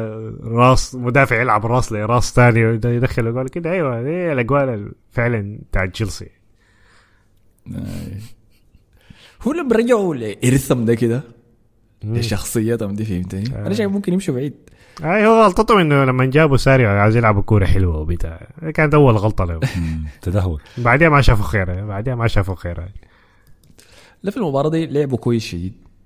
يعني حتى الشوط الأول البناء من الخلف برايتون من أكثر الفرق الصعب إنك تبني فيها بأريحيتك لأنهم ممتازين في الضغط واحد على واحد. لكن تشيلسي في كل مرة كان بيبني فيها من الخلف كان بيمرق من الضغط. وده بتترجم لوصول لصندوق برايتون. فشفنا برايتون ما قادر يستخلص الكورة منهم. رغم إنه مشجعين تشيلسي في الاستاد كانوا قاعدين يبدوا يتوتروا يا man. كل ما الكورة في كرعين سانشيز ديساسي مسك الكورة. يا الله بتاع. لكن نجحت كل مرة. ودي حاجة تتحسب. لبوشيتينو. أنا شفت جمل تكتيكية كتير كانت ممتازة. ورتني انه الزول ده قاعد يشتغل شغل حقيقي يعني خلف الكواليس. شفت قلوب دفاع تشيلسي؟ طبعا الحياة دي بس بتكلم قبل ما يحصل الطرد بعد ما تغير الطرد ما جاء تغير كل شيء. هو لعب بأربعة أربعة. دفاع؟ هاي أربعة. وبعد ده كله ظبط البناء. أنا شفت عبادك وبتاع شفت شفت تياجو سيلفا وشفت كولويل قلت شنو الناس كلها بيلعبوا كيف جوطة كده. آه. آه، اساسي والثاني ذاك اتاك اون تايتن ذاك الأسود بتاعه بت بت بتشيوشيني ذاك باديشيلي الأسود. باديشيلي ساكا شيء ممتاز والله لعبة كويس شيء لا عين إنك تلب- تظبط بناء كويس بأربع قلوب دفاع ورا دي حاجة ما. ما, ما سهلة يعني ما تستهين بها آه. أسأل جوارديولا. آه، قلوب الدفاع كانوا بيضغطوا عالي فلما مهاجمين برايتون كانوا بينزلوا إلى الوسط لأنه ده اللي بيعملوه ده شرطوا به يونايتد في المباراة المشهورة ديك طبعا. برايتون لما شرسوا شرطوا يونايتد. كانوا مهاجمين بينزلوا من الهجوم للوسط عشان يعملوا زيادة في وسط خصمهم فيونايتد ما كانوا عارفين يتعاملوا مع الحاجة دي لأنه مدافعين. يونايتد ما كانوا مرتاحين إنهم يمرقوا ويمشوا يضغطوا عالي شديد كده. لأنه لو لفاني الموضوع انتهى. لكن في المباراة بالرغم من ذلك كان باديشيلي تياغو سيلفا آه، كولويل وديساسي كلهم اذا واحد من لعيبه المهاجمين مشى نزل الوسط بيمشي بيمشي معاه لحد وسط الميدان ما عنده مشكله فدي حاجة من الفلسفه الصعب تقنع بها اللعيبه هذا قدر يقنعهم بها بوكيتينو فدي حاجة ممتازه ده رقم اثنين آه رقم ثلاثة كان شنو؟ انزو أيوه انزو سجل هدفين. هدف طبعا الناس هدفين كلها آه، صح. آه سجل البلنتي كمان في النهايه الناس كلها آه سكت آه سجل الأهداف دي وبتاع أنا ما قلت لك ان عبادة ده ما بيسمع البودكاست. أنا ابدا ما طلبت من إنزو أهداف. أنا حتى لما انتقدته في الحلقتين اللي فاتوا ما كنت طلبت منه أهداف ولا أسيستات. أنا طلبت منه يتحكم في ريتم المباراة لفريقك عشان يقدروا يطبقوا الفلسفة الدايره المدرب لأنه دي هي مسؤوليته على طب. يمكن يمكن دي ما حاجة هو بيقدر عليها. يمكن أنت قاعد تطلب منه حاجة أنت شايفه لاعب وسط. أوريك بيقدر عليها ليه؟ بيقدر لأنه سواها مع الأرجنتين وسواها في المباراة دي للحظات لفترات من الزمن كان هو هو اللي بيمسك الكورة وبيجوا ثلاثة لعيبة من برايتون بيضغطوا بيناورهم لك كلهم بلمسه وعملها بدايه الموسم واتذكر بعد ليفربول ديجي لما كنا قاعد نقول يا أخي كان ممتاز متذكرها. اي آه، بعدين. اختفى فجأة. يمكن دي حاجات متذكر يمكن حاجات الشوط الأول من ويست هام. متذكر اللقطات دي كلها؟ يمكن دي لقطات يمكن هو دي ما أحسن حاجة عنده. هو بيقدر يعملها لكن تحت ضغط معين لكن ما ده الطبيعي بتاعه. دي ما ما هو مرتاح في هو في الدور ده. هو محتاج له س- هو محتاج له system زي ارسنال وتشيلسي كده ماسكين الكورة الوقت كله بنقعد كده عشان يقدر يعمل الحاجات دي. دي الحاجة الوحيدة ممكن امشي يعني كده أنا شايف إنه ناقصاه يعني. مم. ممكن ما الاقيها هنا أنا أديك أقرب لاعب له أقرب لاعب من ناحية المسؤولية أنا ما بتكلم عن عن صفات تماما يعني. كروس في فريقكم. كروس لما الفريق يكون ما قادر يمسك الكورة الفريق الثاني جاي بينه بتاع منو اللاعب اللي بيفتشوا ريال مدريد عشان ينظم لهم اللعب. هو كروس صح؟ يومين آه، عندي 71 مرة.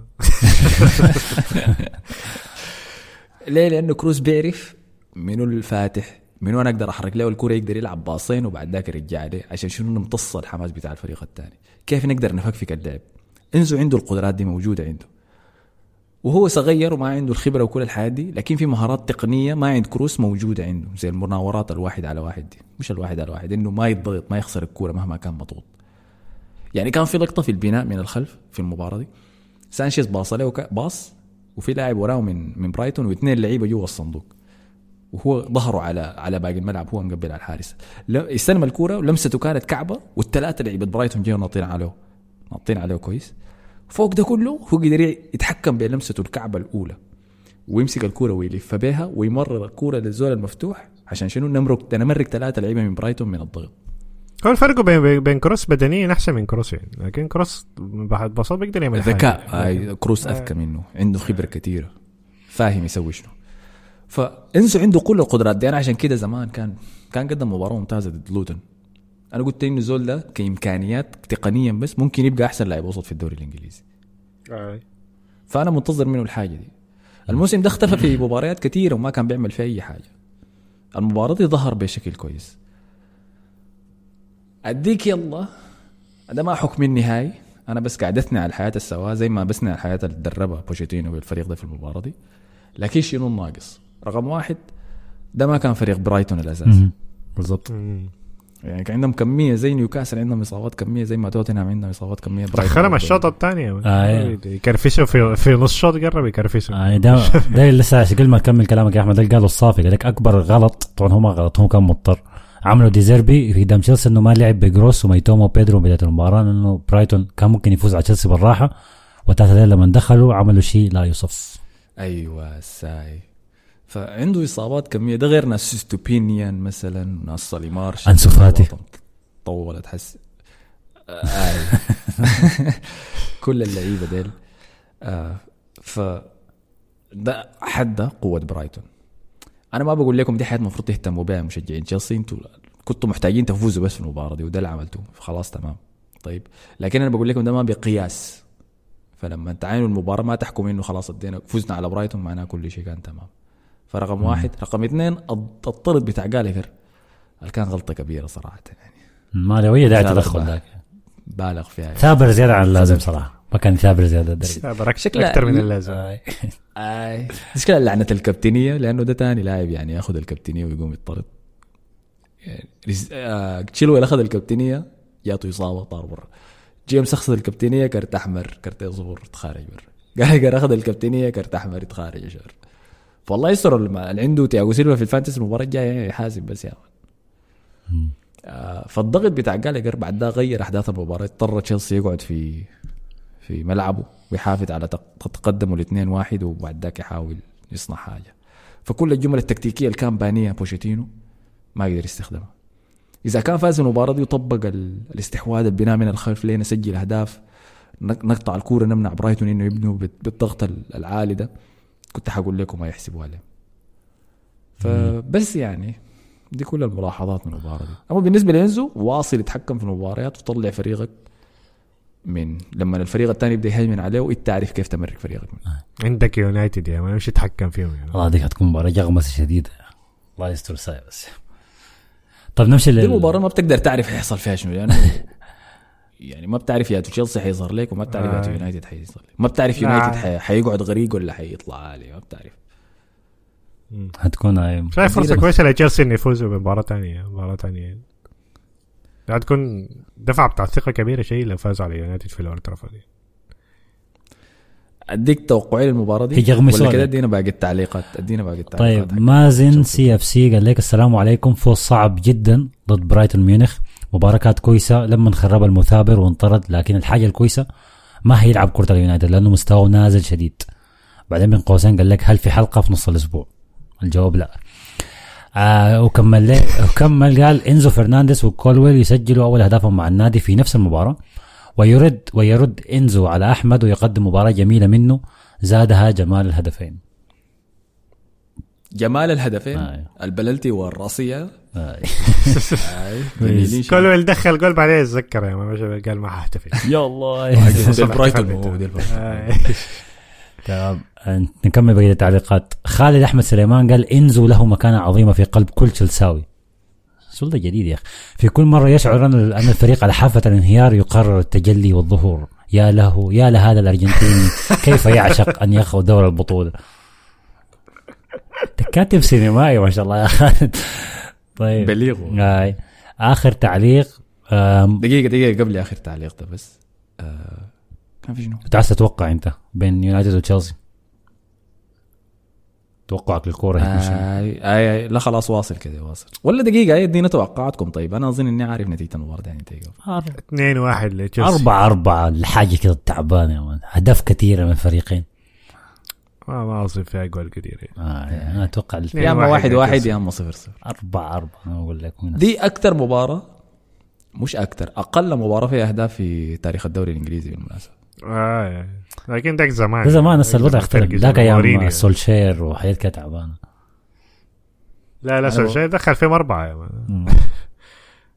آه، أنا بقول واحد لكن واحد آه، أنا شايف يعني شايف تشيلسي فورماته كويسة شايف فورمات الاثنين كويسة ما دخل أجوال المباراة دي لكن شايف إنه حيطلع شايف مباراة ممكن تكون كبيرة لنيكولاس جاكسون عارف إنه حيخيب ظني يعني حيطلعني بيش لكن حرمي له الثقة المرة دي لا ديك تشيلسي وليفربول أظن الاقل أهداف في الدوري مرتين. ضربات أصلا أيوة.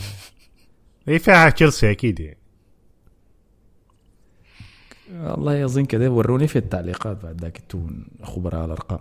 طيب. آخر تعليق ده ده تعقيب على كلامك زاد يا مصطفى. كده محمد الصديق قال لك والله يا نيكولاس نيكولاس جاكسون ده صعبتها علينا عديل.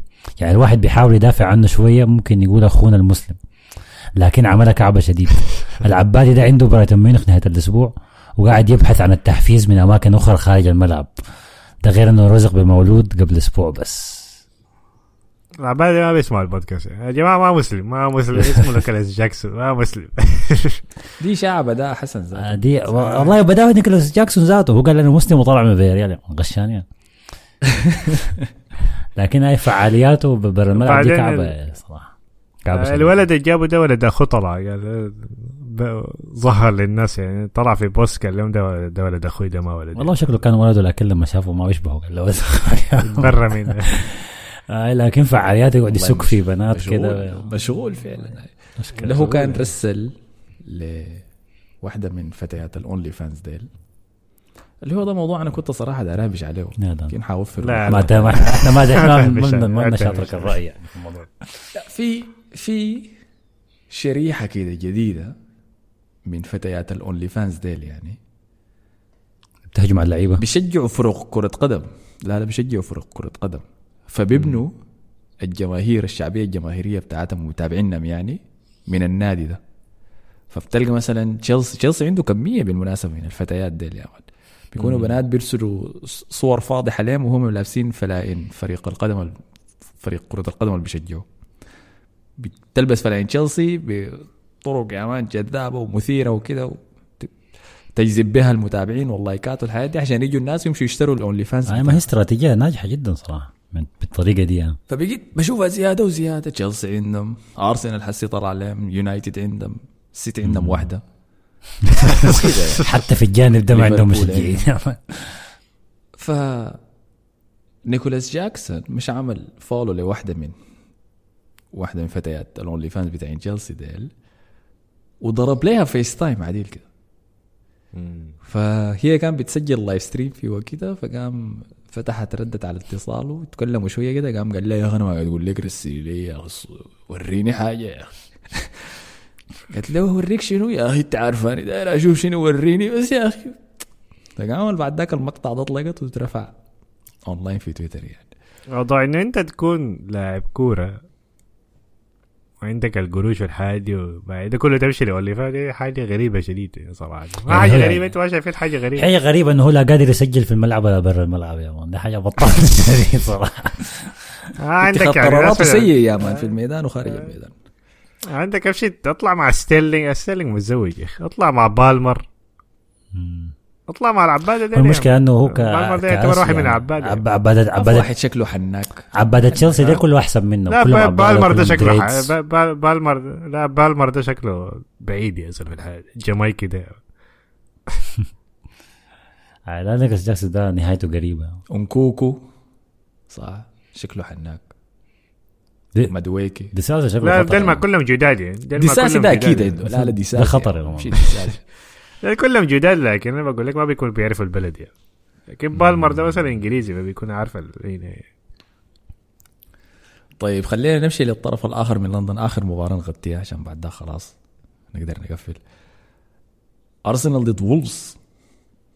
أول مباريات الجولة من أول مباريات كان في كمية ثلاث مباريات كانوا ملعوبين في نفس الوقت. لكن متأخرة كانت أي. ف أنا كنت متوتر من الحاجة دي يعني.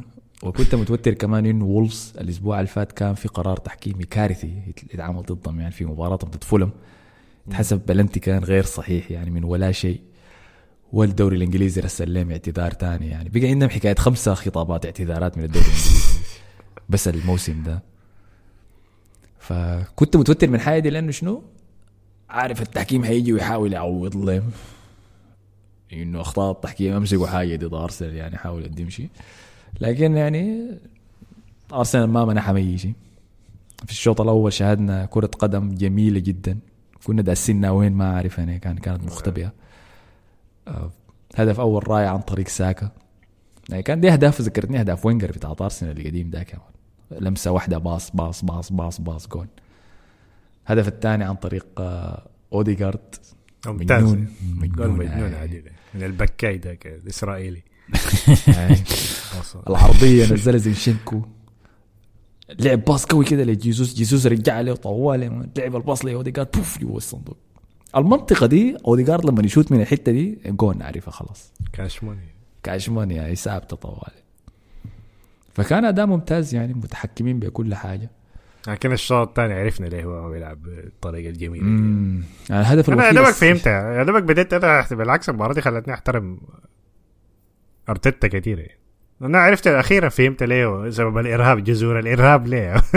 بعد ما بيثق في الناس ابدا يعني ما بيثق في اللاعبين في منو بالتحديد؟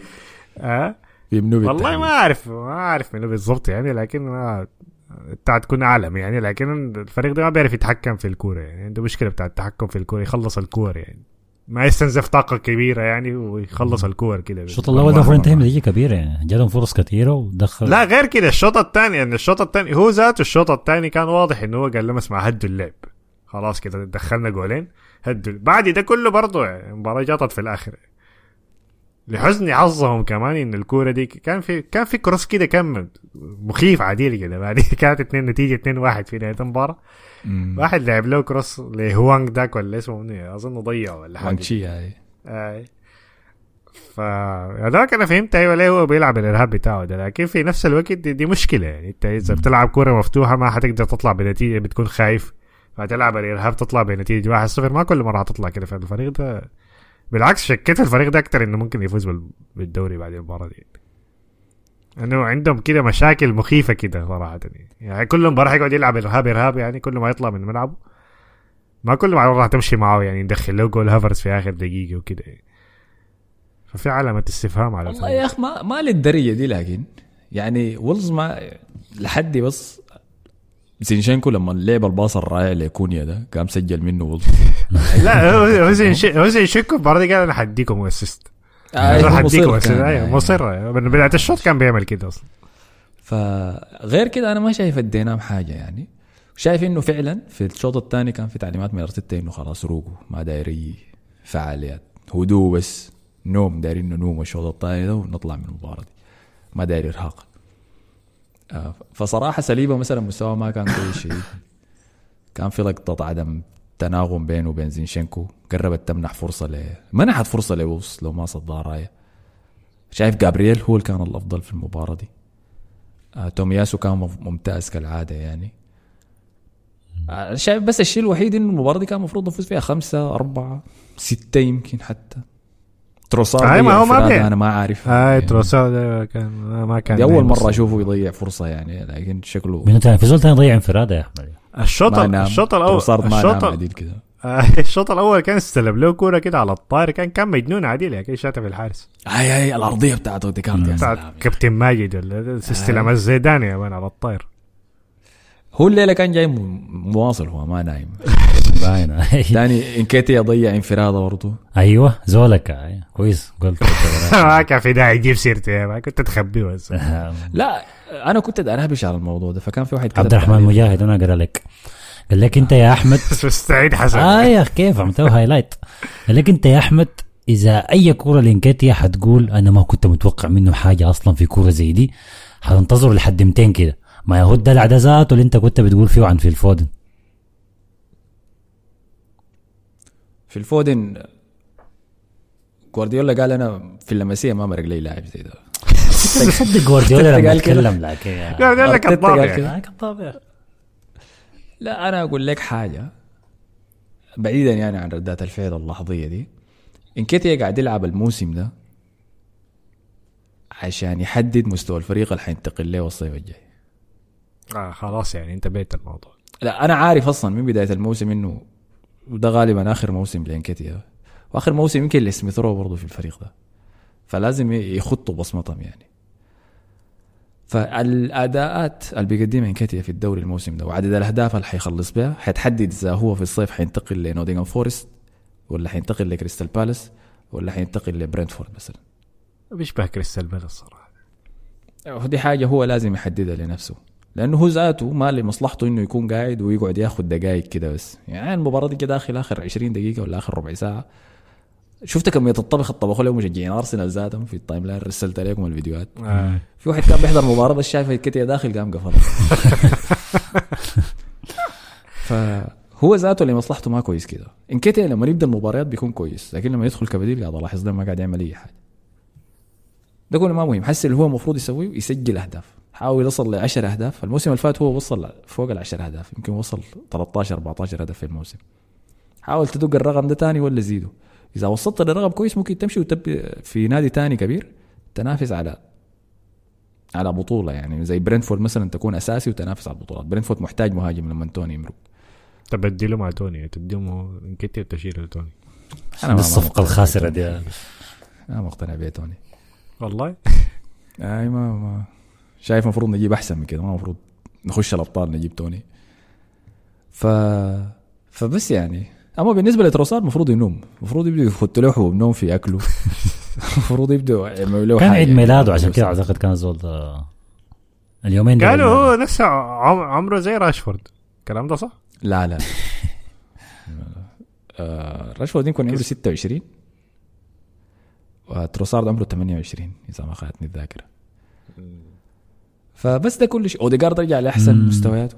في تعليقات كان أيوه اتكسل قال لك كده قال لك مبروك لجماهير أرسنال عودة مستوى اوديجارد. كان رائع كان كويس شديد و... أخيرا نزل للوسط زيادة وبطل يكل جم ساكا بس كافل ساكا مان. وأخيرا بطل يشوت ساكا تحرر زيادة يعني جا- جاته أكثر من أيوة. أيوه. فرصة برا منطقة الجزاء بباصيها بدردقها لزول تاني بيشوف منو في الجناح باين إنه خلاص يعني الحكاية دي بدأ يركز مع عدم الشوط آه. على رايس مان. اخير هو يشوت من رايس الرئيس محتاج يفتح الباكج ده كمان بتاع آه، من برا الصندوق. ما متذكر بارت متذكرين بارتي زمان كان تسديداته جاي من برا الصندوق.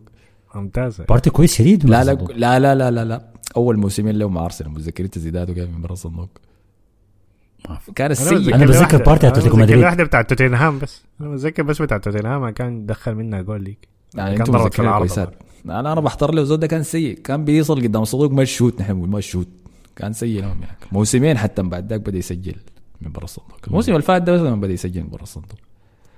أنا عارف الفريق ده بس ال- الارهاب اللي بيلعب به برا الملعب ده ما حي ما ما ح- ما حي- حيمشي معه كتير كده طيب بعد شفت الكرة الجميلة دي ما ما اقتنعت إنه شنو؟ ده سلاح موجود ممكن نفتحه هو سلاح موجود أيوه لكن ما بيستعملوا كفايه أول مباراة يعني حسي دي مباراة تصل أسبوع أظن الستة دي كان ما شفتها لكن قالوا أكيد حتكون لعبته كويس هاي كان جميلة كان مم. جميلة شديد كان فيها لكن ما قاعد. أشوفها كتير يعني حتى في الملعب بتاعكم يعني كان في تعليق بس غريبة يعني على موضوع كرة نص الأسبوع دي كانت ضد ضد فريق فرنسي يا أحمد صح؟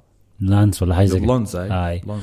فعمر قال أرسنال بستة أهداف على لانس بيورينا ده أنه بإمكانه يلعب الكرة الهجومية والممتعة وأنه الأداء الممل في الدوري ده من أرتيتا بس حاسس مباراة لوتن الجاية دي حي- حي- حيرجع للإرهاب بتاعه برا ملعبه آه لوتن ارهاب لا ما ينفع ما ينفع نلعب كورة مفتوحة ضد لوتن في ملعبهم. أنتوا ما شفتوا مباراة لوتن ضد ليفربول؟ ذاك ليفربول أيوه ليفربول دفاعيا صفر يعني. لا في المباراة ديك لوتن لعب زي أتلتيكو مدريد. في لوتن في ملعبه زي أتلتيكو مدريد يعني. وقرب يغلب ليفربول في المباراة ديك آه ده لوتن لكن ده ما وست هام ولا حاجة زي كده. عشان أقول لك أوكي إرهاب ما حنك أنت ما. أنت فرق ما حضرتهم الارهاب دي مباراة. كلهم كعبة يعني.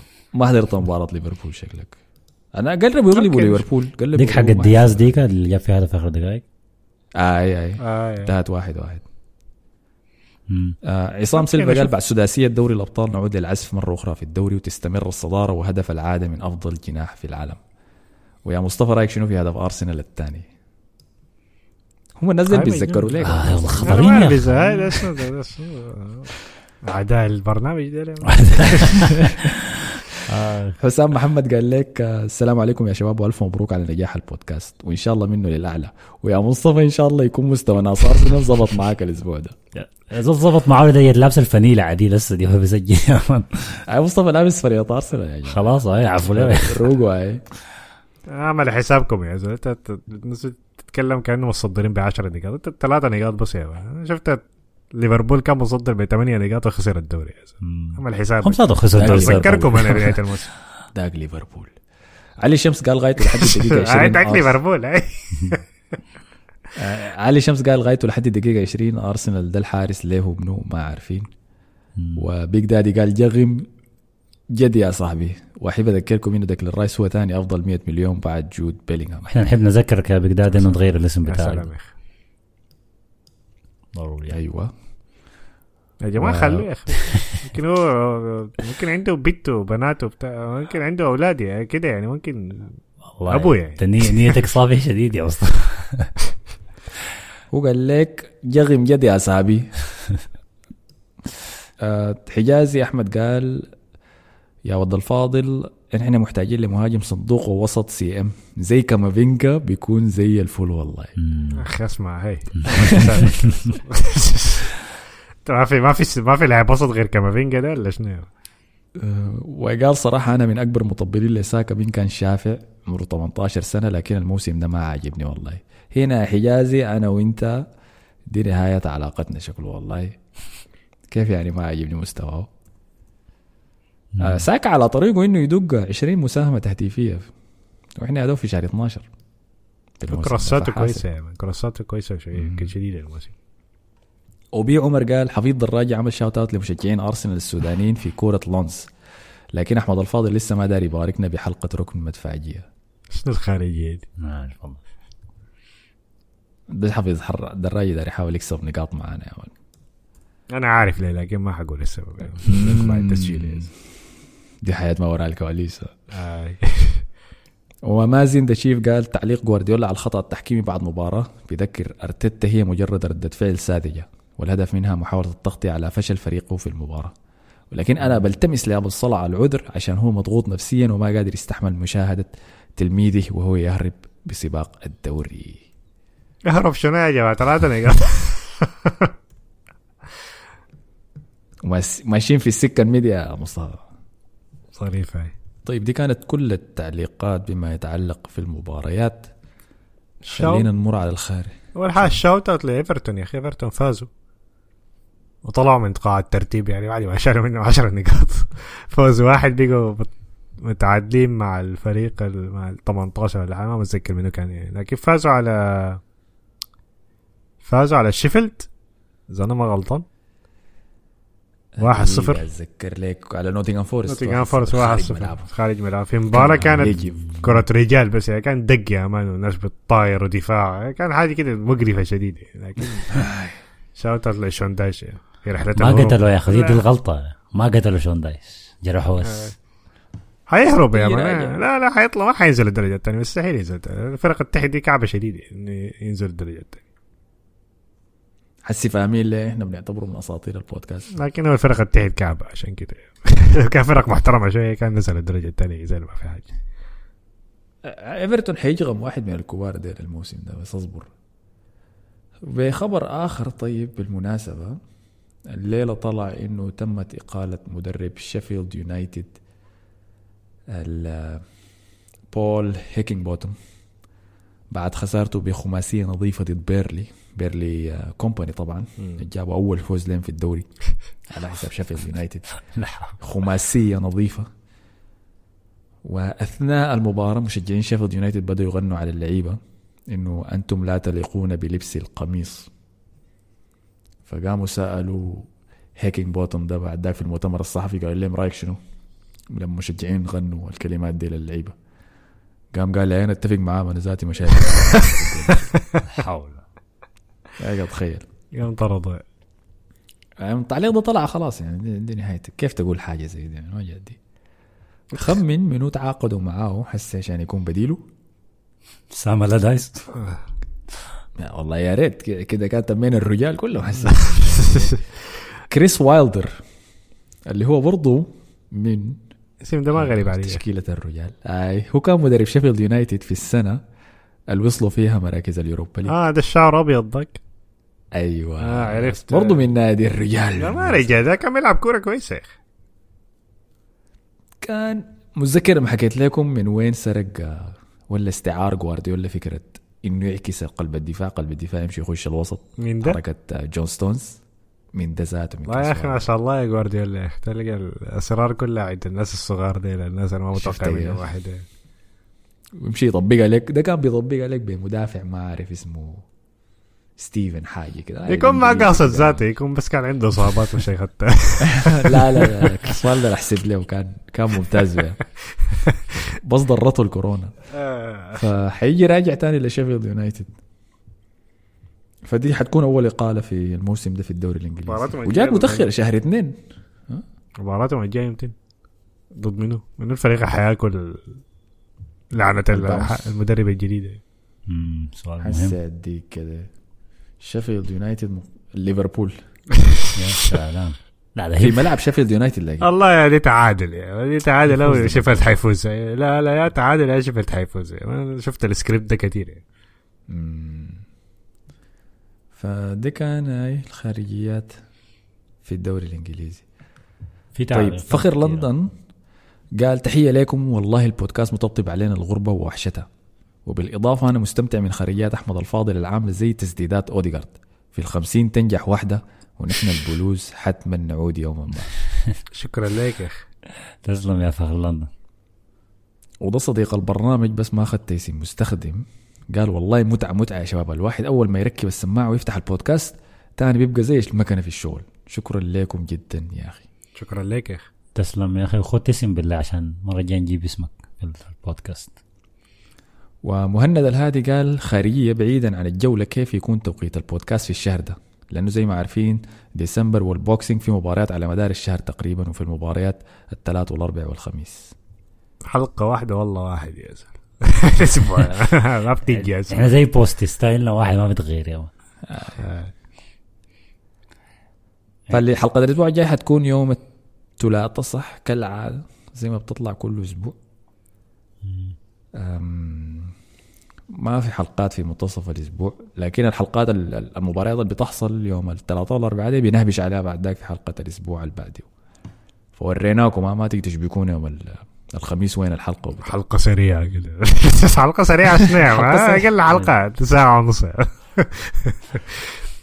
اللي عزيناكم هذا آه. في حلقة قريبة الساعتين عندك أوسكار ليفربول قال خارجية أدعو جميع العباده لتجهيز كوب ساخن من الشاي أو القهوة أو ما يحلو لك ومشاهدة مباراة الرجال يوم الخميس بين إيفرتون شون دايش ونيوكاسل إيدي هاو.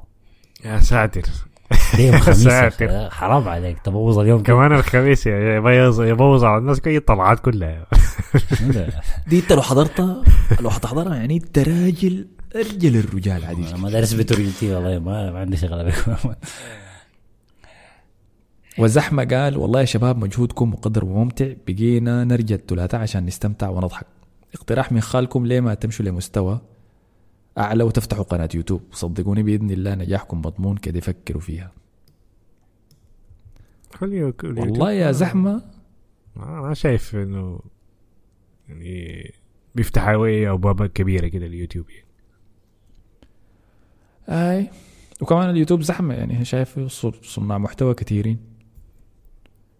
بيقدموا فيه. الحاجة المريحة في في البودكاست يا زحمة إنه ممكن نسجل في أي مكان وبدون أي متطلبات تقنية كثيرة.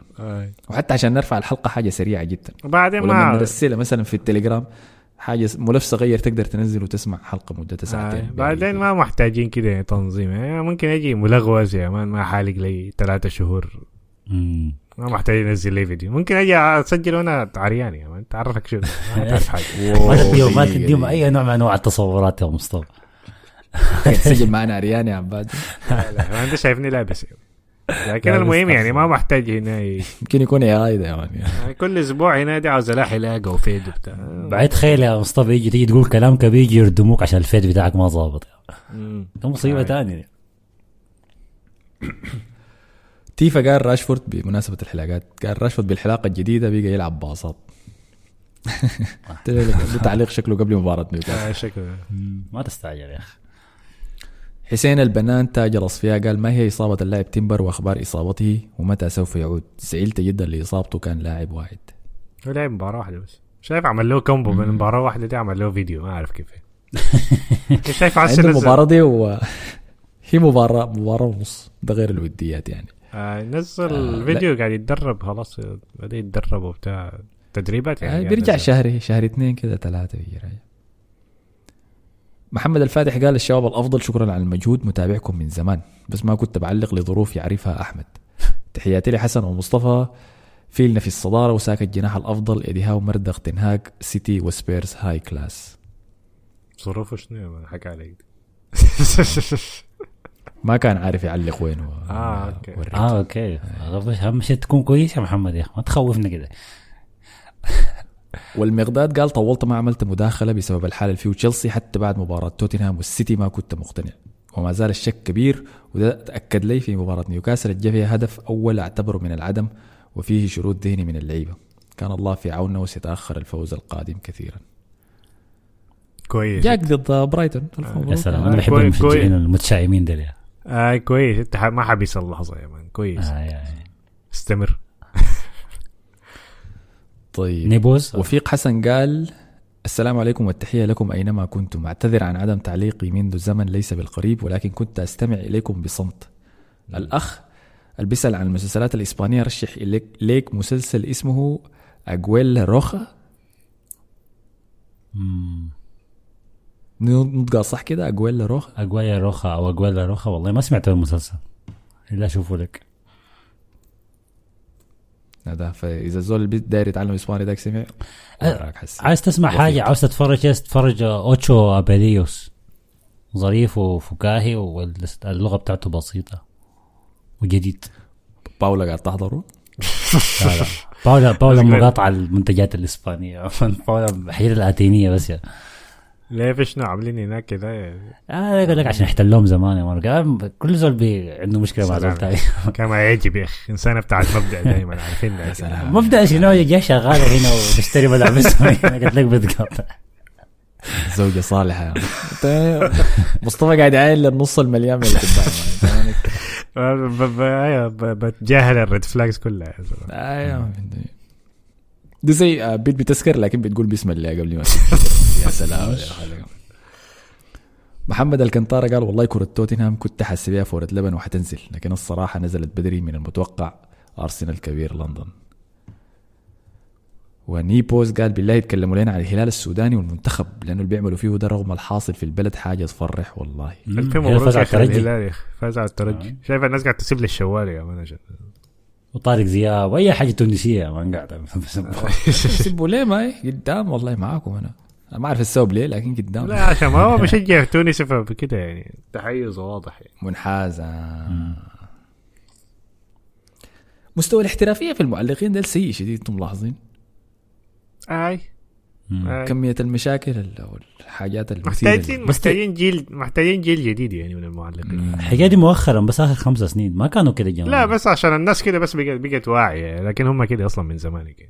وأنا بقدر آه، أنا. بقدر الشوارع اللحظات الجميلة اللي ادانا لها يعني خلاص ها. وحاجات أسطورية لكن خلاص أنا أنا كل ما أكبر بقيت ازعج من السرخه الكثير وبتاع اسمع عليه كده قافية زي بتاعت بيتر اللي يجيب له بيكتب له شعر يا مان قبل المباراة. ذاك بيطبخ طبخ يا. عشان تريبير عشان تريبير رفع عرضيه لايزاك يا آه. مان كاتب قصيدة. خلاص يا أخي. مجنون يا مان موفق. أنا لحد هسه متذكر تعليقه في كأس العالم. لا لا آه برشلونة ضد روما. آه.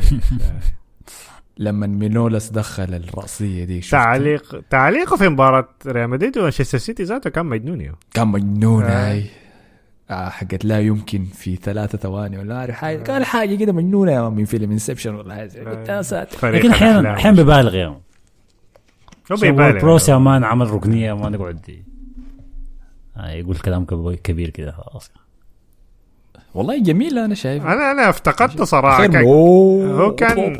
التعليقات اللي بيجيبوها بين كانت هو كان فيها لكن هسي مشى حتة ثانية افتقدت شالوا سكاي صراحة. آه افتقدت صراحة حاجة حزينة ما هم لاحظوا فيديوهاته بقت تبقى ترند في تيك توك يا مان آه،. أنت عارف مباراة ليفربول كان فيه المعلقتين الاثنين نسوان الاثنين نسوان. آه. كان كويسات على الاهداف. الكويسه دي ولا؟ لا لا لا. لا، بس- حاجة حقولها لكن لا ب... لا هم هي معلقتين كويسه لكن أول مرة أشوفهم الاثنين مع بعض. يعني. دائما بيكون في واحد واحدة وراجع واحد وواحدة. لكن هم معلقات كويسات يعني. آه، موفق جمال. قال شنو يا حسن؟ قال الهلال السوداني يقسو على الترجي التونسي بثلاثة أهداف لهدف والهلال السعودي يضرب أيضا النصر بثلاثة دون رد. في لي في ليلة غياب البدر وظهور الهلال وأفريقيا وآسيا زرقاء الهلال للتربية والتعليم يجغم قوات التمرد التونسية ويعلن أن أفريقيا زرقاء يا ساتر. حسن أنت اسمه اسمه دولي روشن ليه؟ روشن دي شنو؟ ما عندي أي خلفية والله. آه أوكي. يا حسن يا علي والله العظيم ما عندي أي خلفية. قول قول. والله العظيم أنا مع جادي معك أنا ما عندي خلفية شنو هو روشن. يعني انت ما ما ما كنت بتمشي روشن؟ أنا ما أعرف روشن, روشن هل هي شركة؟ عارف- لكن؟ شكله هو اللي حاجة في الموضوع. ما أعرف يعني أنا كتبت حسن في روشن ما حتظهر لي صور.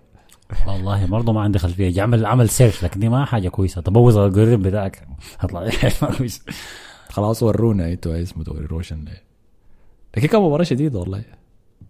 كلوبالي قاعد يعمل فعاليات وديك لسه يعني. لسه هناك. آه، كتل واحد كده الحكم بلنتي ما بلنتي. آه offside آه، الحمد لله. شايف ال- والله شافك والله. شايف اللي اشتبك مع ميسي؟ يعني جاي يشتبك مع رو- رونالدو يكمل ال... البليه آه، آه، يكمل السجل بتاعه. وقاعد يجغمهم قاعد يغلبهم لك كلهم. ده هنا هنا جزار الماعز يا. ضحية ماعز يا مان بيقول لك. انت حسب كنت مشجع منو النصر ولا الاتحاد؟ ما تابعت. ولا الهلال؟ أجواء هو الدوري السعودي اجواء مجنونه عديله في الملاعب في الكور دي كانوا رافعين. تيفو ل اسمه منو كريتوس بتاع بتاع بتاع جود اوف وور آه كان مجنون آه. عادي شفته دي خارجية درع يا مان اله الحرب رافعينه قالوا عارفين أيوة. انه يلعب. ولا ذاك هنا اسمه منو اله الحرب هنا. إله الحرب، أيوة. كان منو لا هو ذاته يعني هو, هو, اسمه في ال... هتلاقيهم عارفين أي حاجة زلمه أنت بيشجع منو قلت لي؟ ما- التعاون صح؟ ما في اي زول جرى إشاعاتك هت... إشاعاتك هتجيب الموسم ده يا مان. التعاون؟ ما بشجع. أي زول. دقيقة أتذكر الاتفاق الاتفاق اللي بيشجعوا بي- بيدربوا الاتفاق.